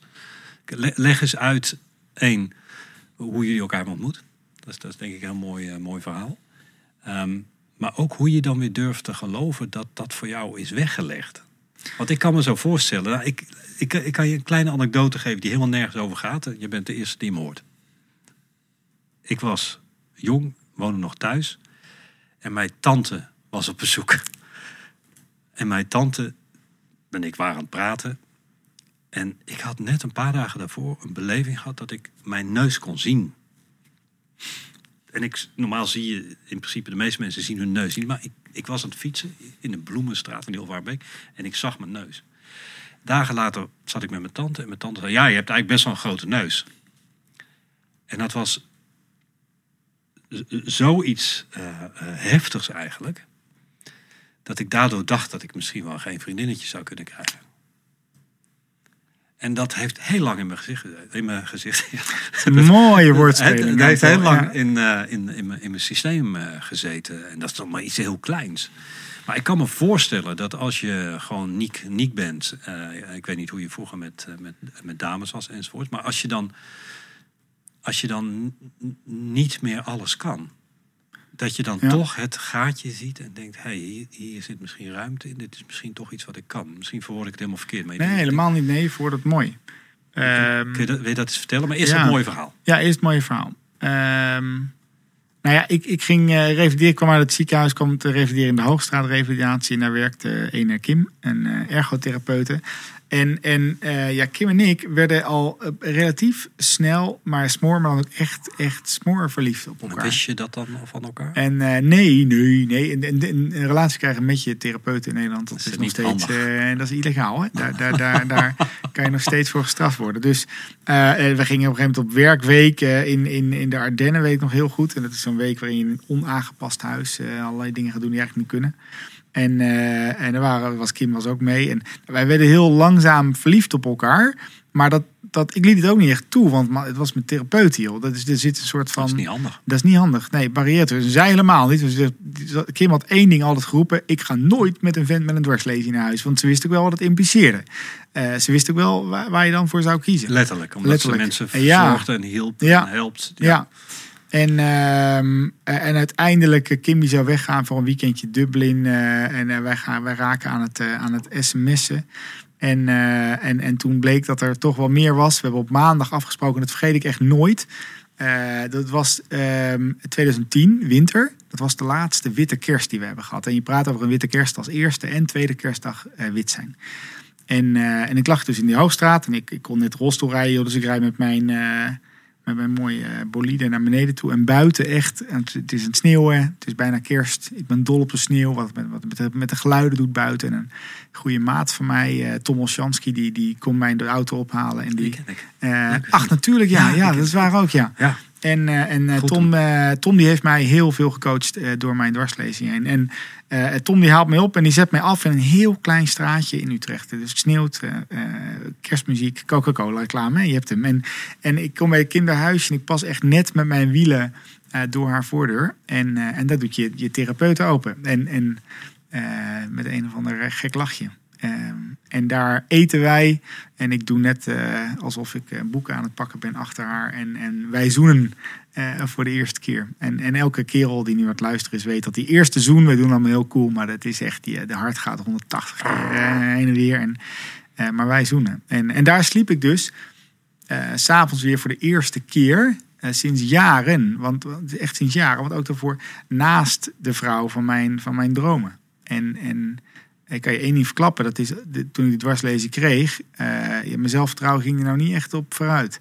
Eh, met, met A, ehm, de- stel je voor, hè, dus ik wist die avond, stel Kim en ik vinden elkaar leuk en we blijven daarna met elkaar bij elkaar slapen. 's Ochtends, dan werd ik gelaxeerd op bed, zo heet dat mooi. Dus dan gaan er twee klisma's in, een poepje op bed. En dat kon ik nog helemaal niet zelf, zeg maar. Dus ik wist, dit, dit, dit was mijn dilemma. Ik kan slapen bij de vrouw van mijn dromen, maar dat betekent dat ik de volgende Oh ja, ochtend in de bed moet poepen. erbij, ja. Dat is toch een mooi dilemma. Toch een romanticus. ik ben toch ook een romanticus. Dus, dus dat was mijn dilemma. En, en Kim en ik wisten zo snel een modus te vinden dat dat normaal is. Dus ik vergeet het ook nooit. Ik werd 's ochtends wakker. Kim en ik, wij, wij, wij zitten s'avonds zitten met elkaar te slapen. En ik maak nog wel eens het geintje dat ze dan... dat- dat- Dan zat ik s'avonds zachtjes over de benen te aaien. En dan, en dan zei ik tegen nou, die, eh, ja, die, die had zich best wel even mogen scheren vanavond. Maar het bleek dat ik al een half uur over mijn eigen benen aan het aaien was. Maar dat is een heel... Dat is een heel, heel ander verhaal. Maar ik weet nog, 's ochtends heel goed. Lig ik daar, lig ik daar op het bedje en denk ja, joh, ik ben, ik ben hartstikke verliefd. Maar nu moet ik dus bij de vrouw van mijn droom moet ik op de bed gaan poepen. En uh, de keurig op een matje zo. Maar het moet wel gebeuren, want anders gaat het straks helemaal mis. Wat doet die trut? Die gaat naar boven toe, een zoldertje. Komt terug in een compleet eh, EMDR-pakje. dus oftewel handschoenen aan, mondkapje voor, plastic pak aangetrokken. En toen was het ijs weg. Wat goed. En, en ja, heel eerlijk, als je dan verliefd op elkaar wordt. ja, dan is het... Kijk joh, ik lag, ik lag de hele dag nog op mijn bed. Ik was zo naakt als de pest. Ik was meer niek dan dat ik ooit ben geweest. Hoe gek het ook mogen klinken. Ik kan terug verlangen naar mijn revalidatiebed. Ik ben nog nooit zo naakt geweest. Al die schillen, die stropdas, die motor, het leven, het, het, alles was, alles was weg. Alles echt. was weg. Ja. En toen werd zij verliefd op mij. Hè? Dus op, Ja. op dat persoontje, daar werd zij verliefd op. Ja, dan, dan, de- wat- Dan heb je toch een stuk zekerheid. nou, wat kan je dan de rest Ja. van je leven overkomen? Ja. Ehm, we hebben hem weer. Dus als ik, als ik ehm, weet je, ik vind Amsterdam zo'n bijzondere stad waar geloof ik eh twee derde eh heigende hertjes eh, rondlopen en elke avond de pijp ingaan om een, om een vent te scoren die allemaal vrijgezel zijn. Ja, ik snap dat die mensen geen relatie krijgen, maar dat is omdat we allemaal een leven leiden wat helemaal niet ons is. En, je, en, en, en dat zie je om je heen gebeuren. Twee mensen die elkaar leuk gaan vinden, die al bij hunzelf niet zijn. Nou, een prachtige echtscheiding. eh, ja. echtscheiding in wording, hè? Mhm. En eh, trust me, I've been there. Ik heb het vaak genoeg gedaan. Mhm. En dat gebeurde bij Kim en mij niet. Dus ik kreeg A, in een van mijn donkerste periodes van mijn leven, de liefde van mijn leven. En liefde is het antwoord tegen wat voor vorm dan pijn dan ook. Letterlijk. In mijn kop, wat het vrij maakt. Maar ik, ik kan me herinneren dat ik zat. Dat, ik had zoveel pijn destijds dat ik van de afdeling af werd gehaald en in aparte kamers werd gelegd. En als Kim aan mijn bed was, letterlijk, dan had ik geen pijn. En dat, dat, dat verzin ik niet, dan had ik geen pijn. Holy. Nou, zo sterk is, is verliefdheid. En dat, dat weet iedereen die het luisteren is. Als je verliefd bent, moet je gaan solliciteren. Als je verliefd bent, dan moet je. Want dan, dan, dan heb je iets. Dan, ja, weet je, dan zit er zoveel in het lichaam. Dan krijg je alles van elkaar. Eh, eh, du- dus dus eh, ja, rot maar op met al die, die, die sollicitatiesites en tipjes. Gewoon verliefd worden en dan solliciteren. Ja, dan ben je klaar. Ja. Tip, tipje voor Niek. Maar, maar goed, dat gebeurde wel in die revalidatieperiode. Dus even ook terugkomen op een eerdere vraag vandaag. Kan iedereen dat dan? Of, of ehm, er is ook een, gewoon een, een samenloop in het leven gekomen. A, waar ik voor heb gekozen, maar ook de omstandigheden hebben het gewoon mogelijk gemaakt dat ik heb kunnen doen of dat ik doe wat ik doe.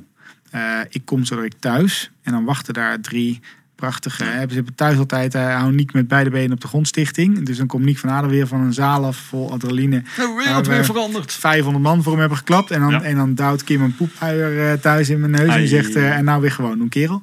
En, maar dat zorgt er wel voor dat ik met een glimlach naar huis toe ga. En dus ook het werk kan leiden, de pijn aan kan. En, en, en dus ook de leuke dingen aan kan in mijn leven. En Mhm. Ik denk nogmaals dat dat voor iedereen geldt. Dus, dus ehm, ehm, en dat komt allemaal eh, doordat je, wat jij net zei in je hardloopwedstrijd, het gaatje hebt kunnen zien Mhm. als ik 25 meter verder ben. Mhm. Nou, en, en, en, en laat, ik dat nou, laat ik dat echt het allerleukste. Ik noem het ook wel eens wakker worden. Dus als ik mensen weer wakker kan laten worden, dat doe ik het echt het allerliefste.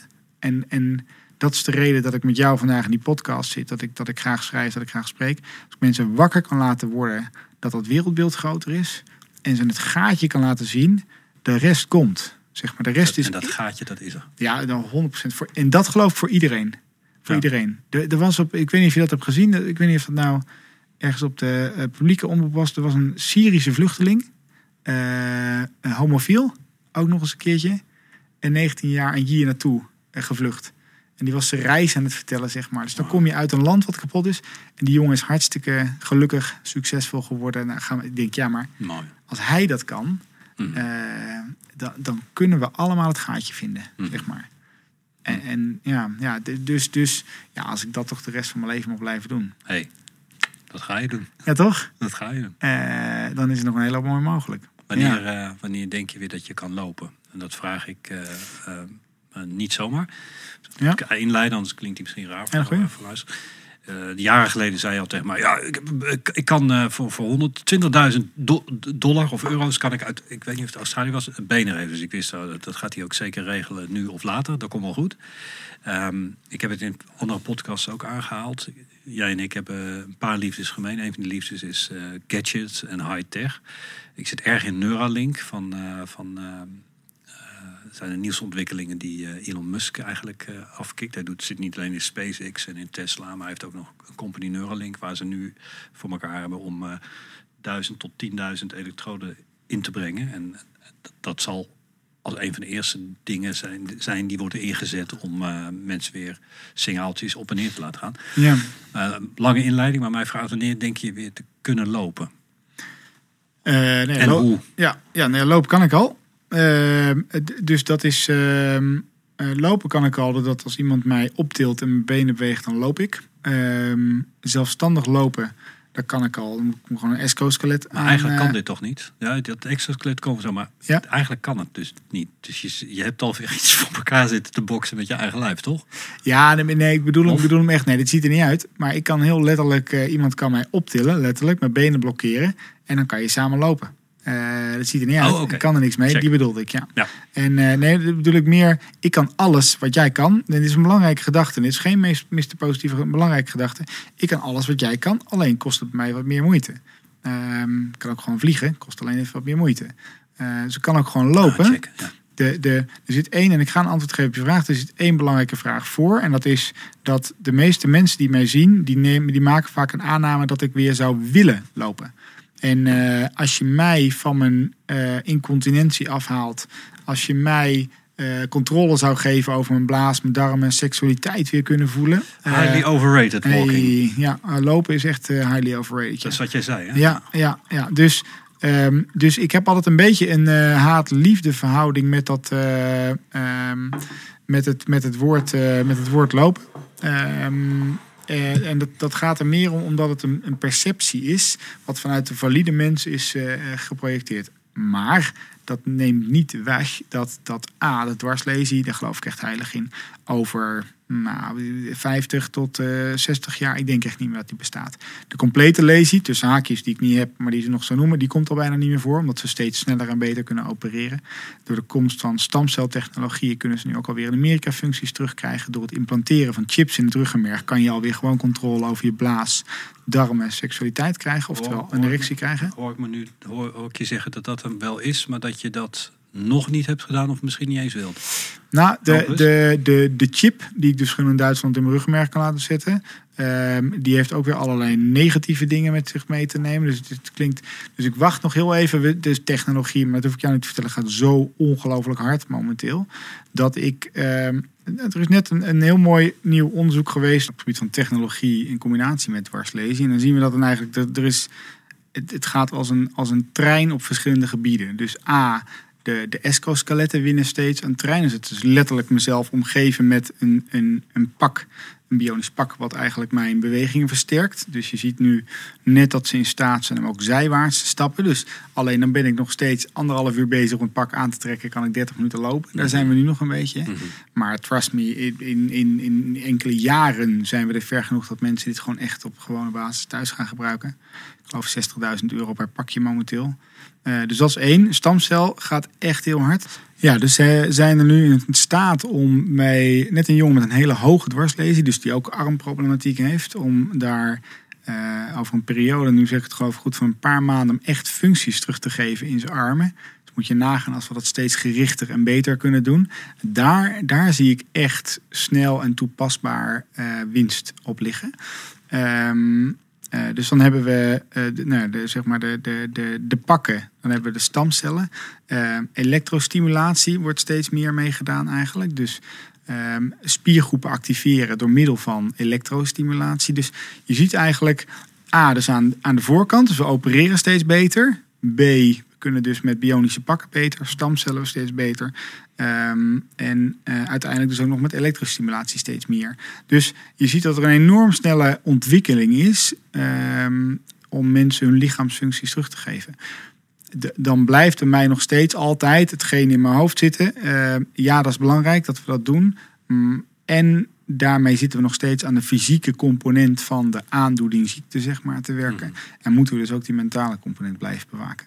Ehm, En wat je al eerder zei, dat is iets wat, wat nog niet heel erg op de radar misschien staat van eh, eh, hulpverlenende Ja, instantie. ik vind dat dit, maar dat heeft, dat heeft niks met de rondzorg te maken. Ik denk dat dat ons mens in het algemeen is. Wij, wij fixen liever het fysieke dan het mentale. Dat is veel makkelijker. Mhm. Ehm, maar dat geldt voor alles. Mhm. Eh, dat geldt voor alles. Niet alleen voor mensen die een dwarslesie hebben. En, en ik denk dat, dat, weet je, mijn roeping in het leven is in ieder geval om mensen te begeleiden, te inspireren, te raken, mee te nemen in dat mentale aspect. Dus ja, ik zal je op mijn, op mijn knietjes danken als ik weer kan lopen, als ik weer een orgasme kan krijgen, als ik zelf kan poepen, plassen, de hele mikmak. Eh, of bij het bovenschap in de Albert Heijn zou kunnen. Ehm, alleen, dat heeft allemaal geen toegevoegde waarde als ik zo depressief ben als de pest. Ehm, en, en dus ik denk dat die altijd. eh, dus mensen. ehm, kijk, wij, wij, wij denken wel eens in Nederland dat we, dat we een inclusieve samenleving hebben. Dat is natuurlijk verreweg van waar. Wij zijn eh, eh, een van de laatste landen ter wereld die het verdrag van toegankelijkheid heeft gerectificeerd van de VN. Alleen Albanië was nog naast ons, ge- geloof ik. Dus wij hebben natuurlijk. Een, een, en ik pak hem even terug op die rolstoel. Hè. Dus wij maken mensen. ehm, eh, ehm, eh, fysiek weer redelijk oké. En we, we gooien ze in een maatschappij die gewoon, ja, met, met alle respect, we zijn gewoon geen goed aangepast land in Nederland. Mhm. En eh, ehm, de, de, de reden dat ik hier omhoog kom is dat jullie een hele hoop moeite hebben gestopt, zeg maar. Maar dat gebeurt meestal niet. Ehm, en dat is niet een wijzend vingertje. Er is geen boosheid hier, zeg maar. Dus de vraag is, moeten we mensen weer leren lopen? En moeten we mensen weer ehm, eh, fysiek beter in de maatschappij zitten? Of moeten we ook als maatschappij gewoon gaan accepteren dat we niet allemaal heel zijn? Mhm. Eh, en of dat nou mentaal is of fysiek is. Nou, en mijn roeping ligt in ieder geval in het tweede. Dus dat, dat is het meer. Dus ja, ik, ik, ik volg al die technologie en alles wat daarin gebeurt. Eh rete interessant. Eh, alleen ik blijf me verdiepen in die psyche van de mens. Ja, Mhm. ja. We zei aan het begin van toen we hadden over jou, jouw verhaal en wie je bent, dat je had gestudeerd op de Hoge Hotelschool. Nou weet ik van toen, en ook, eh, ook van wat ik over je heb gelezen, van het nu, dat service en service verlenen echt een ding van jou is. Eh, kun je eens vertellen wat je, dat, wat je daarmee doet en hoe je dat hebt geïntegreerd in, eh, in, in eh, de dingen die je zakelijk doet? Ehm, wat ik nog weet is dat je trainingen gaf. ja. En, en dat je daar echt heel gemeen was. Ik eh, kan me nou een verhaal herinneren dat je dan eh, eh, iemand even precies niet laten ervaren dat, dat iemand welkom is als hij ergens naartoe gaat. Het ging zelfs zover dat er geen parkeerplek voor deze dame was. En je had nog even wat borden gecheft waarop stond deze parkeerplaats is bestemd voor. En dan had je de concurrent neergezet. Ja, duidelijk. Ja, ja, Ja. En toen we begonnen met de workshop, toen serveerden we ook alleen maar eh, bierwijn en bitterballen om half negen 's ochtends. Ja. om ze even te laten voelen. Ja. Nou, kijk, dat, dat gastvrije hart voor mij. De, de, Daar de- zit een passie ook, hè? Ja, die zit er zeker. Eh, die zit er zeker. En die zal ook altijd blijven. Dus, dus klantgerichtheid, gastvrijheid. Dat is een beetje waar ik groot in ben geworden als trainer en als spreker. En eh jarenlang een trainingsbureau ervoor gewerkt. En nu doen we dat natuurlijk zelf ook veel in de zakelijke wereld. En ehm, het leuke daaraan is, is dat we... ehm, kijk, uiteindelijk is klantgerichtheid ook maar een plat woordje. Maar mensen weer laten voelen hoe leuk het is om iets voor een ander te doen... doet ook gewoon heel veel voor jezelf. Dus om, om alleen maar bedrijven te leren hoe ze meer omzet moeten halen... omdat ze aardiger moeten zijn voor klanten... Ja, dan moet je in ieder geval niet bij mij zijn, zeg maar. Ik geloof erin, heilig, dat, dat of je nou in de zorgsector werkt... eh, of dat je nou in het bankaire werkt... om aandacht te geven aan anderen. Dat is gewoon wat je dag leuk maakt. Processen en protocollen zijn nog nooit lief geweest tegen mij in ieder geval. En, en mensen wel. Dus om mensen weer te leren leren om met mensen om te gaan, ja, dat is wat ik het liefste doe. En dat zijn we natuurlijk aan alle kanten compleet aan het verliezen in onze mooie maatschappij. Terwijl, terwijl dat eigenlijk iets is waar bedrijven zich nog kunnen onderscheiden. Eh, Als je Ja, met de klant 100%. omgaat in service, bedoel, de meeste dingen gaan verrobotiseren, Ja, veronlineiseren, Ja. eh, eh, commo- commoditizing. Dus je kunt het overal krijgen, net zoals elektriciteit, maakt niet meer uit wat vandaan komt, het moet het gewoon doen. Dus juist daarin, ik vind het zo fascinerend als ik als consultant in het bedrijfsleven rondloop, dat zul je dan ook geheid meemaken. En eh, eh, in sommige organisaties ken ik langer. Er is altijd wel een fase dat er consultants naar binnen worden gereden. Eh, de ene keer dat label, de andere keer dat label, nou maar dat bedrijf. En dan komen ze tot de conclusie, na maanden, we moeten toch de klant weer op nummer 1 zetten. ah, die is mooi altijd, ja. Ja, ja. En dan komt er een woord als client centricity, klantgericht werken, klantfocus. En dat is meestal in dezelfde tijd als de beweging komt back to our roots. Waar waren we ook alweer voor op deze aardkloot? De mission statement. En ik weet hoe belangrijk het is, dus ik zeg het met een knipoog. En heel veel mensen die eh, nu kijken en luisteren, die, die kennen mij als consultant bij hun bedrijven. Eh, en, eh, en, en ik kan nooit zeggen dat ik een bedrijf heb geleid van duizenden of tienduizenden. Of we werken voor bedrijven waar honderdduizenden mensen werken. Dat heb ik nooit gedaan. Dus dat is wel even wat anders. Maar het is altijd toch op een of andere manier heel schattig dat we er dan weer met z'n allen achter moeten komen. Dat hebben wij zelf bij New Life ook een paar keer meegemaakt. Het gaat om de klant.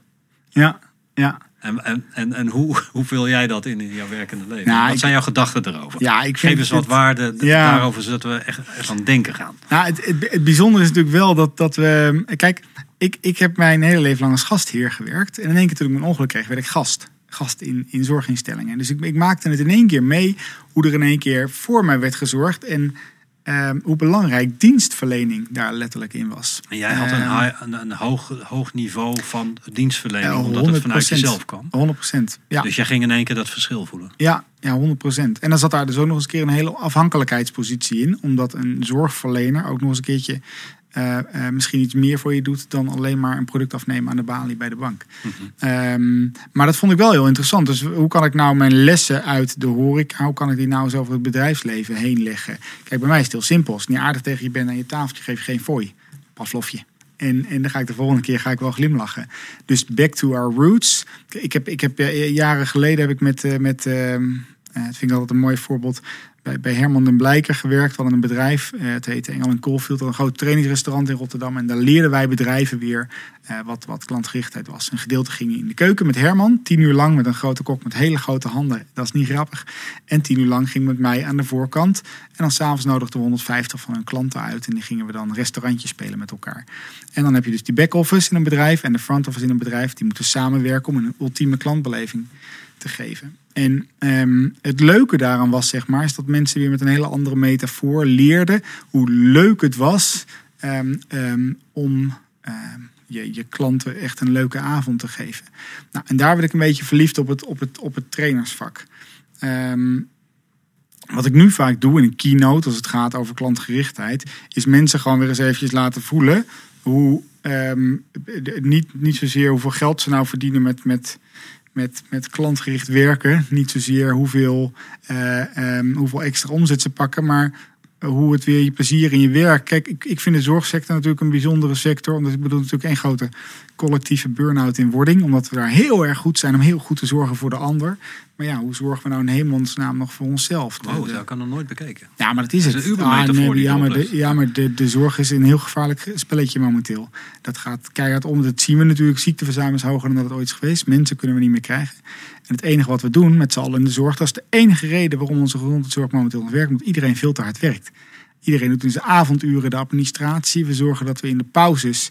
Ja, ik sprak laatst voor spoedeisende hulp eh, verpleegkundige. 85% van deze doelgroep neemt gewoon nooit meer pauze. Nooit meer omdat er geen tijd meer is. En dat is niet gezond. Dus als we het net even hebben over het eerste gedeelte van deze podcast, ehm, dan ga je op een gegeven moment op een punt komen dat je het gaatje niet meer ziet. En dan krijg je een burn-out, dan ga je thuis zitten, of dan gaat het verkeerd. En dat zien we overal nu gebeuren. En ik denk dat, noem het gastgericht werken, noem het klantgerichtheid, noem het, uh, geef het maar een woordje, brengt je gewoon terug naar waarom je ooit het vak bent gaan doen. En je bent het vak ooit gaan doen omdat je graag voor iemand wilde zorgen. Je bent hopelijk bij een retailer gaan werken omdat je het leuk vindt om mensen aan een bepaald product te helpen. Daar, daar hoop ik althans. Hè? Dat is een beetje een aanname dit. Um, maar daarna teruggaan hebben we weer, back to our roots. Ja, dat is iets wat we steeds verliezen. Natuurlijk een prachtig cirkeltje. Daarom, daarom blijven die consultants maar komen die je net noemde. Mm -hmm. um, maar ik denk dat, dat uh, door terug te grijpen naar wat je. Weet je, Wouter het Hart schreef daar een mooi boekje over. Uh, Verdraaide organisaties heet dat. En dat gaat over de systeemwereld, de leefwereld en de bedoeling. En, en de bedoeling is waarom doe jij wat je doet. De leefwereld is waar we elkaar in tegenkomen, waarin we producten verkopen, zorg verlenen, wat dan ook maar. En de systeemwereld, dat zijn al de systemen die we hebben bedacht.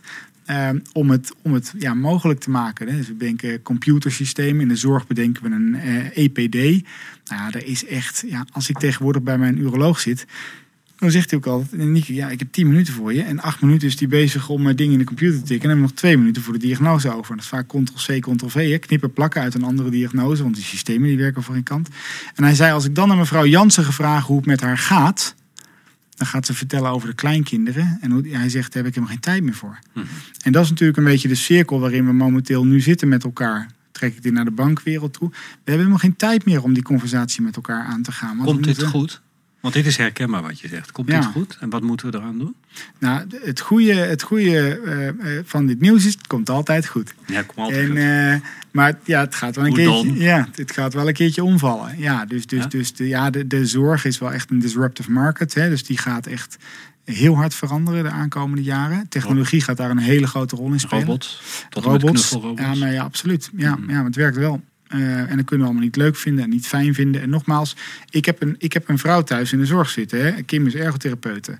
En, en we zeggen, dat is een mooi metafoortje als je in het vliegtuig zit en het, en het stort er neer, komen die mondkapjes naar beneden en zeggen ze altijd, als eerste zelf het mondkapje. Nou, als ik in het vliegtuig zit met Kim en, en die mondkapjes komen naar beneden, dan gaat Kim het vliegtuig rondrennen, gaat ze bij iedereen een mondkapje opzetten, gaat ze de vloer vegen, dat we het kruimels liggen, de piloot koffie brengen, nou, misschien nog even een gaatje maken ergens in de deur, dan kijken ze of het goed is met mij en dan pas zet ze het mondkapje op. Dat is een beetje wat er momenteel zeg maar in de zorg aan de hand is. Heel zorgen- mooi, maar niet handig. Nee, we zorgen voor alles en iedereen, behalve voor onszelf. Mhm. En, en ehm, dat, dus dat gaat omvallen. Dat hebben we in eerdere industrieën natuurlijk al lang gezien. De, wie, wie gaat er nog naar een reiswinkel toe? Dat doe je online.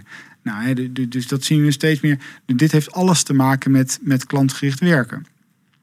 Want we niet alleen maar de industrie veranderen, maar wij klanten veranderen ook. Wij willen meer, alles moet gepersonaliseerd zijn, eh, het moet snel, het moet betaalbaar. De echte Ehm, disruptie komt van klanten. Ja, ja 100%. Ja, dat geloof ik echt. Alleen de enige waar ik controle op uit kan oefenen, dat ben ik zelf. Dus als ik het met mensen heb over klantgerichtheid, dan heb ik het dus, dus weet, ik ga weer over, de, over, over het geld. Of over, ik denk dat klantgericht de manier is om je werk leuk te houden, om dicht bij jezelf te blijven. Omdat het vaak de reden is dat je je werk bent gaan doen. Ehm, mijn werk is niet leuk als er niemand in de zaal zit. Vraag, vraag. Ja. Ik snap je. Is, is, het, is het niet iets te romantisch? Ik, ik heb hetzelfde beeld dat jij hebt, hè? Dus ik, Hm? ik challenge mezelf nu ook. Is het niet een iets te romantisch beeld? Is het niet zo dat er ook heel veel mensen gewoon werken omdat het moet? Eh, ja, nee, ik denk dat je gelijk in hebt. Ik geloof dat het laatste eh, onderzoek in Nederland was dat 15% van de medewerkers in Nederland die zijn loyaal eh, aan hun werkgever en aan het product. 15%. Dus dat betekent dat 85% niet. Die werken daar om, Hmm. voor hun pensioen. En omdat er gewerkt moet worden. Mhm. Eh, de vraag is of ik geschikt ben voor die 85%. Nou, ik denk het niet. Nee, mij moet je lekker met die 15% laten werken en die nog beter laten worden. En die 85% worden door robots en artificial intelligence. Ja, natuurlijk. Ja, ja. En, en, dat ga je, dat, en, dan, en dan kan je klagen aan het einde van de lijn dat je, dat je baan wordt overgenomen. Ja, en ik denk dat je dat zelf in de hand hebt. Oh, we hebben denk ik zoveel mensen gesproken die voordat zoiets gebeurt al aan zichzelf sleutelen. Zelf een cursus eh, eh, nemen zonder dat de werkgever het betaalt. Maar het gewoon zelf betalen. Ja. Nachten YouTube of Kaan University af, af, afstropen. Om maar zo goed mogelijk en zo beter en beter te worden. Om meer waarde te voegen, toe te voegen. Er is een minderheid overigens die dat doet. Ja. Aan, aan je werkgever. Ja, die, die, die, die worden zelden ontslagen. Ik geloof daar Waarmee, ik dus niet zeg, ehm, daar ben ik ook genuanceerd in geworden, dat goede mensen niet worden ontslagen. Want die worden ook wel eens ontslagen, omdat als je managing bij Excel doet, je gewoon soms gewoon niet weet wat voor goede mensen er zitten. Ja? Ehm, maar ja, de, de, de, de road to hell is paved with good intentions. Eh, dus als er wat meer mensen eh, echt actief aan zichzelf gaan klussen en zichzelf elke keer weer opnieuw uitvinden, denk ik dat er heel veel jobs voor heel veel mensen zullen blijven. Maar helaas is mijn eigen statistiek zo dat drie, vier op de 100 dat doen. En dat er toch 95, 96 procent in, in een soort wachtstand zitten of het gaat gebeuren of het gaat mij overkomen. En als het dan gebeurd is, eh, zie je wel. ja. Eens? Eh, 100% eens. En, en ik denk nogmaals dat dit precies hetzelfde gesprek is als we aan het begin hadden. Dat is dat je. ehm, ehm, is dat dan een keus voor iedereen, zeg maar? Of kan iedereen de keus maken om dan zelf die YouTubes te gaan kijken? Zelf te. eh, ja, maar daarvoor moet je het kiertje zien. Daarvoor moet je het gaatje zien. En dat heeft echt te maken met waar je vandaan komt, hoeveel liefde je om je heen hebt. Daar heb je zelf absoluut invloed op. Dat kan je zelf creëren. Daar ben ik het met je eens. Alleen niet iedereen is nu in staat om dat te doen. Anders had het wel gedaan. Dus ik vind het te makkelijk om hier ook te, te roepen. En ik, ik, ik val zelf wel eens in die valkuil. Hè? Van ja, jongens, met alle respect, je kan nu met je allen klagen, maar je had er ook iets aan kunnen doen. Alleen, ik heb wel gewoon geleerd dat dat niet helemaal waar is. Ik, dus ik zit er altijd nog een klein beetje in een, eh, in een, in een, in een grijs gebied in. Ik wil het roepen, want het is mijn boodschap. Ja, jongen, met alle respect, je wordt niet ontslagen. Maar je zag het toch al vijf jaar aankomen, jongen. Je had toch al zelf jezelf kunnen ontwikkelen. Je had al cursussen kunnen gaan doen. Ik, ik kan nu toch ook op het klaagbankje gaan zitten en thuis zitten en vertellen hoeveel pijn ik heb en dat het niet makkelijk is, dat het niet leuk is. Ik heb het toch ook iets. Ja, dat klopt. Maar ik heb die opvoeding gehad. Ik heb Kim naast me. Ik heb goede vrienden naast me. Ik heb een opleiding kunnen doen. Ik ben blank. Ik ben een man. Ik ben in Nederland opgegroeid. En, en dus het is te makkelijk om vanuit mijn positie, redelijk arrogant ook wel, te roepen eh, dat iedereen het maar zou moeten kunnen. Dus, ehm, dus daarvoor wil ik waken. Zij het niet dat ik erin geloof dat iedereen een kier is. Want ik ken genoeg jongens. Ik vind Jozef Abelkas een heel mooi voorbeeld. Een goede vriend van mij. Vijf jaar lang onterecht in de cel gezeten in Marokko. Omdat ze een verdachte van, eh, van drugsbezit. Kijk het verhaal? Oh my god, Ja? wat een verhaal. En, eh, en Jozef, een van de liefste en zachtste jongens die ik ken. Eh, die is Marokkaan, Nederland. In de bak gezeten, vijf jaar in Marokko, zonder dat hij iets had gedaan of enige bewijslast had. Is in Nederland een van de meest gevierde, succesvolste, gelukkigste sprekers, man, echtgenoot, vriend geworden. Dus ja, als een jongen het kan, Mhm. kan jij het ook. Nou, die boodschap is dus niet helemaal waar, maar het kan wel. Ja. Ja, dus we blijven een beetje zeg maar daarin. Nou, ik vind het heel Ja. fascinerend, omdat dat, ik denk dat, dat, dat, het, dat je het met me eens bent om te zeggen dat het een van de mooiste vakken is van de wereld, eigenlijk toch wel, om te doen. Maar het is ook wel heel zwaar, omdat je soms net die ene tip geeft, waarvan je zeker weet dat dat de goede tip is, Ja, waarvan je ook al bijna zeker weet dat iemand het niet gaat doen. ja 100 Het procent. is moeilijk hoor. Ik, maar dat is het ben- zeker. Ik denk niet dat ik overdrijf als ik van 80 of 90 procent van de tijd dat ik dan eh, mijn ding heb gedaan, naar huis rijden en denk, oef, volhouden. Het is, best, het is best heftig, omdat je dan ook mensen ziet stuiten. Maar goed, ik heb zo vaak ook zelf advies gehad waar je dan eh, of niks mee doet of tien jaar later implementeert. Ik, ik, had, ik, ik had het over die simpele kabels die hier liggen. Ja, ik, ik heb de beste geluidsman gevraagd van wat moet ik doen? Hij zegt, oh, dat kun je wel, maar let op je kabels. Koop de beste. Dat had ik dus niet gedaan. Ik had topkabels gekocht, alleen bij gewoon een gemiddeld bedrijf. De beste kabels, zei ik, want het was een gemiddeld bedrijf. En had ook nog de tip gegeven waar. Ja, nou, we alle kabels kunnen vervangen. Ja, Ja? ja. Oké, dat is wel twee maanden ellende geweest. En dat is dan nog iets kleins. Dus je, voor- iedereen komt een tijd. En, en soms moet je ergens misschien dan tegenaan lopen.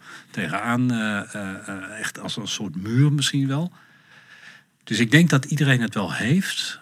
Maar het heeft ook te maken met, ja, wat is er gebeurd in je verleden? En ja, is de timing goed voor je? Voilà. Ja. En, en dat vind ik zelf, ik word daar beter in, maar dat vind ik nog steeds wel, wel pittig. Om, omdat je zo, ja, als mensen helpen, wil je zo graag. ja, dat is het ook. Eens? Eens. Ja, maar zelf propelt, hè, die drie op de 100. eh, ik zou willen dat dat er meer zouden zijn. En, eh, en kunnen, we, kunnen we met die verhouding, stel voor dat die waar is, of 80-20 good old Pareto. Denk, denk je dat we het gaan redden met onze maatschappij in Nederland? Ehm, Vroeg ik als totaal fan van Nederland. Ik ben fan van Nederland. ja, Ja, eh, nou ja, goed, je kan een breder trekken zelfs naar de mensheid toe. Hè? Maar dat, eh, dat laten we maar eens bij Nou, Nederland nee, beginnen. let's go all the way. Maar we laten bij Nederland beginnen. Ja, ja, ja. Ik denk het gaan redden. Nou, weer het goede antwoord. We redden het altijd. En eh, kijk, we zijn natuurlijk, laten we heel eerlijk, als we hem gewoon plat slaan, zijn we met z'n allen als mensen, zijn we natuurlijk gewoon een bende van aan het maken. Ja. Maar dat doen we eigenlijk ons heel hele leven en waar zijn we nou in godsnaam Ja. helemaal mee bezig. En grosso doen we dat altijd al, maar gaat het wel beter met ons? Voilà. Ik denk dat er een. Dat er een eh, ehm, ik, ben, ik, ben, ik ben wel. ehm, ik ben hoopvol. Dat is het. Dat, dat we, ondanks dat we de boel verpesten met elkaar. Kijk, waar ik niet zo in. Wat, ik bijzonder vind, en misschien is dat wel een antwoordje erop, is dat we zijn natuurlijk nu met z'n allen lekker bezig van laten we maar naar Mars gaan. Hè. We hebben gewoon aarde verkloten en dan gaan we lekker naar een andere planeet toe. En, en ik denk dat we hier kunnen thriven, zeg maar. Dat we hier kunnen aarden zonder dat we de oerwouden plat eh, branden, eh, elkaar maar in oorlog gooien en, en niet aardig zijn tegen elkaar. Eh, ik denk dat het echt kan. Andere kant, we leven in, in de beste tijd ooit. Er is nog nooit zo weinig oorlog geweest. De armoedegrens is nog nooit zo laag geweest. Dus, dus En worden de rijken niet rijker en de armen niet armer? ja, ja, absoluut. Alleen de vraag is wel eh, of dat niet altijd zo is geweest. En is het niet stak in de middel? De middenmoot verdwijnt? Met Ja. importantie? Of? Ja, ik, ik, ik vraag me zo af of het waar is, eh eh, Anatol, of dat we onszelf lekker gek laten maken door alles wat we op social media en nieuws roepen. Kijk, ik ben jarenlang ge- geleden gestopt met nieuws kijken. Dat is natuurlijk het domste wat je, het domste wat je kan doen. Ja, en, eh, Daar wordt er wel eh, gelukkiger van. ja, dat is één ding wat zeker is. En, en dan ga ik mijn eigen waarheid zien. Mhm. En, en dus, kijk, de, de, maar de- je praat je weer met, de, met een jongetje die de wereld wil redden. Dus de, dus de vraag is de wereld That nog te redden. En eh, ja, en, en, en eh, ehm, de ene, het ene moment sta ik op en denk ik het antwoord is ja, ga ik vandaag lekker proberen. Het antwoord denk ik nee, ik ga gewoon een hele leuke tijd hebben in de tussentijd. En eh, we gaan toch naar de kloten met z'n allen. Dus hoe meer ik leer over geluk, hoe ongelukkiger ik word, zeg ik wel eens. En ehm, hoe meer ik leer over de wereld, hoe negatiever mijn beeld er nog wel eens van kan worden. Hoe meer ik leer over mijn buurvrouw en over mezelf, hoe gelukkiger ik wel word. Dus, dus moet ik de wereld redden, moet ik, me, moet ik eens beginnen met, me, met, met... Kijk, ik kan me nog wel eens schuldig voelen dat ik drie kinderen op de wereld heb gezet. Dat is de grootste CO2-stempel die je ongeveer kan maken mo- momenteel. Dus ik heb mezelf voorgenomen dat ik mijn kinderen op ga voeden. Dat ze alle drie echt iets ongelooflijk moois gaan bijdragen om het leven van een ander of van de wereld iets moois te maken. Dat is, dat is Dat echt. stop je in ze. Ah, maar 100 procent, ja, ja. En ze mogen, krijgen er alle vrijheid in, maar dat wil ik ze meegeven. Eh, dat je hier bent gekomen eh, om, om de wereld wat mooier achter te laten dan dat je hem gevonden hebt. Of het leven van een ander te verrijken. Ehm, dus als dat, als dat betekent dat ze nu met z'n drieën bij eh Marlboro gaan werken, nou, dan, dan heb ik iets niet helemaal eh, goed gedaan, wellicht. Ehm, ehm, dus het, het, ook hier zit geen. ook hier zit geen, geen goed en fout in, geen zwart en wit in. De wereld gaat niet naar de kloten. We gaan hem wel overleven. En, en misschien gaat hij dat wel. En dan zullen we ook weer veerkrachtig genoeg zijn om een ander pad in te slaan. En eh, misschien heeft Elon Musk gelijk, moeten we met z'n allen lekker naar Mars verhuizen. Nou, van mij mag hij vliegen, ik blijf nog eventjes hier. Maar misschien moeten we maar eens beginnen met, met eh, hele kleine stapjes. En, en, en, en dat was eigenlijk eh, hoe jij straks je marathon ook uitlegde. Mhm. Met kleine stapjes vooruit gaan. En, en die beweging zie ik echt wel. We proberen met z'n allen echt wel stapjes vooruit te gaan. Vorige podcast was met dat de Millennium eh Forum. Nou hadden we drie tegelijk hier. Allemaal tussen de 25 en de 30. En ik heb heel veel hoop door deze generatie. Ah, dat geloof ik. En oké, Ja. de context is Nederland en we hebben de meeste dingen voor elkaar. Het gevaar is er niet, er is geen oorlog.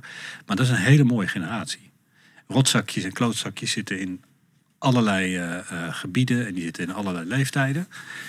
Ik vind deze generatie die er aankomt, of die eigenlijk al bezig is met, ik vind het een hele mooie, eh, hoopvolle generatie. Omdat ze toch een positieve kijk op het leven hebben, maar wel heel realistisch. Eh, en ze, ze hebben wat meer idealen dan, dan, dan misschien wel de generatie daarvoor en daarvoor. En waar ze dan ook voor leven. Ja, eens. Gewoon sharing economy. Hè? Waarom zou je een auto kopen als je hem kan lenen? Ja, voilà. Toch? Voilà, En, ja. zo zijn er heel veel andere dingen. Ja, en ook weer de generatie die na die millennials komt. Hè? Een enorm hard Gen werkende. Z, of hoe heet die Ja, nou? ja. Eh, enorm hard werkende generatie weer. Enorm purpose-driven. Enorm gedreven door. En dat is hetgeen wat ik het liefst wil. Ik wil mensen een betekenisvol leven. geven. Als je een betekenisvol leven hebt. En voor jou is dat, je zei het straks mooi, is die, die, die stip te zien. Hè, hoe klein die misschien ook mag zijn. Maar als je een betekenisvol leven is. En daar, daar gaat deze generatie. Daarom geniet ik zo van die al die nieuwe YouTube-filmpjes. Ik ben, ik ben een vlaag, omdat ze eigenlijk voor een heel groot gedeelte gaan over purpose, over meaningful, over betekenis geven aan. En dat is iets nieuws wat ik heel, dat vind ik een hele mooie. Ik bedoel, het is ook niet voor niets het topje van, van Maslow, uh, toch? de zingeving. en wij leven gelukkig in een era, in een tijd waarin we daaraan kunnen werken. We hoeven niet meer met z'n allen bosbrandjes te bestrijden, sabeltandtijgers hun nek om te draaien. We leven in een tijd dat we daaraan kunnen werken. De enige, uh, het enige punt is dat we er tijd voor moeten maken. Uh, in plaats van uh, 16 jaar van ons leven op social media te zitten. misschien wel eens 16 jaar van ons leven gaan zitten aan betekenisvol leven te ontwikkelen. Ja, jij en ik weten dan dat we ons daardoor lekkerder voelen. Absolutely. Ja. Dat betekent niet dat iedereen dat al weet. Nee, daarom hebben we ook een mooie podcast, toch? Niet? Dan hebben we dat, hebben we dat morgen bereikt. ja. ja. Was je belangrijkste les geweest, man? Mijn belangrijkste les. Um, ik, ik denk dat, dat ik ben opgevoed. Um, mijn vader die zei vroeger wel eens tegen ons: Je moeder komt op nummer 1 en jullie komen op nummer 2.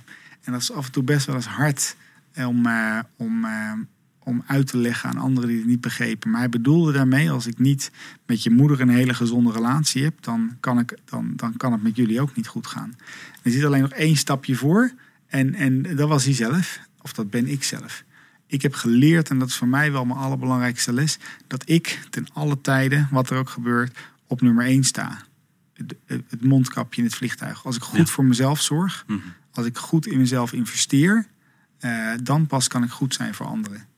En, en dus als ik die boodschap kan blijven delen, ja, dan, dan, dan, uh, dan ben ik een heel gelukkig man.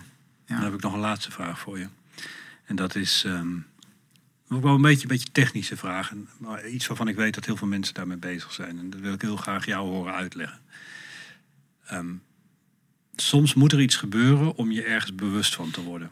Ja. En dan uh, geef ik een voorbeeld. Er was, was één, twee jaar geleden zo'n filmpje waar je zag dat een, een auto en nog een andere auto op een ramkoers zaten. Vervolgens zie je dat filmpje vertragen. En dan gebeurt er heel veel, wordt er heel veel uitgelegd. En uh, uiteindelijk klappen ze ook tegen elkaar. Um, als ik zo'n filmpje zie, of wat ik een keer in mijn jeugd heb meegemaakt, dat ik zag dat een vrachtwagenchauffeur bij een vrachtwagen stond zo'n hoge band. En ik was wat kleiner en hij stond tegen die band aan te schoppen. Vond ik apart. Ik reed verder en later hoorde ik dat hij met die band iemand had doodgereden. Hm. Toen is dat beeld echt in mijn hoofd gekomen. En elke keer als iemand nu nog tegen een band schopt, of te kijken of er genoeg lucht in zit, dan, dan krijg ik dat terug. Er zijn allerlei kleine en grote momenten waar je bewust wordt van dat het leven heel kostbaar is. Dat je echt denkt van nou, ik ga even niet 120 rijden waar ik 120 mag, maar ik ga het gewoon 90 doen. Maar vaak duren die momenten maar een paar uur of een paar dagen. En dan zit je weer in je oude patroon. Ja.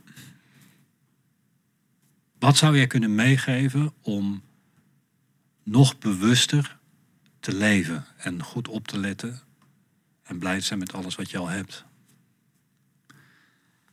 Ja, ik kan mijn, uh, ik kan mijn zaal wel eens een hele uh, prettige dwarslezing wensen als ik klaar ben met, uh, met mijn speech. En dat meen ik bewust. Uh, ik kan, het eerste wat er gebeurt als mensen met een burn-out bij ons komen in coaching, dan krijgen ze een hele grote knuffel van en feliciteren we ze met een bosje bloemen. een burn-out is een heel mooi cadeau. Nou, hoop ik dat niet iedereen die dwarslezing nodig heeft om, om deze les te kunnen beseffen. Wat ik wel hoop is dat um, zelfontwikkeling, op wat voor manier dan ook, eigenlijk al een vak op school had moeten worden toen je zes jaar oud was of vier jaar oud was uh, als je begint met school. Um, uh, en ik denk dat daar dus ook de oplossing in ligt. Dus het onderzoeken van jezelf, het in gesprek gaan met anderen, het volgen van trainingen, het volgen van cursussen, het lezen van een boek, dat, dat maakt niet uit, zeg maar. Maar ik denk dat de oplossing daarin ligt. Dus het onderzoeken van je eigen. Ik denk ook dat dat is de weg die wij als mensen te lopen hebben. De weg die wij als mensen kunnen lopen. Dat is het onderzoeken van je ziel, van je geest, van je lichaam. Ehm, en daar wijzer in worden. Ik denk dat we daardoor groeien als mensen. Alleen dat is geen vak op school. Het is een vak op school om, eh, om eh, hoeveel punten voor je CITO-toets te halen, zeg maar. Om, Duits te leren. Of Frans, wat niemand nodig heeft. En ehm, dus wat ik iedereen mee zou willen geven is de rest van je leven een leraar blijven of een leerling blijven van je eigen eh, eh, lichaam, van je eigen geest. En als je dat structureel blijft doen, dan geloof ik er echt heilig in dat je ehm, groeit met stapjes. Je zult nog steeds vallen. Ehm, shit happens to everyone, zeg maar. Ik bedoel, iedereen die overlijdt nog steeds een keertje. Iedereen krijgt pijn. Iedereen krijgt een keertje kanker of wat dan ook er maar gebeurt. Alleen als je hierin blijft investeren, daar geloof ik echt heilig in, ehm, dan vergroot je je kans op een gelukkig leven significant. Ja, significant. En dan pas ben je in staat om waarde toe te voegen aan andere mensen. Ja. Wauw. Dank u wel, Niek. Graag gedaan, Tol. Dank voor het, eh, voor het uh, mooie gesprek. Update je body, mind, spirit en skills in onze gratis kennismakingsworkshop. Ga nu naar newlifeuniversity.com workshop. Kijk naar de podcast op ons YouTube kanaal New Life University en abonneer je.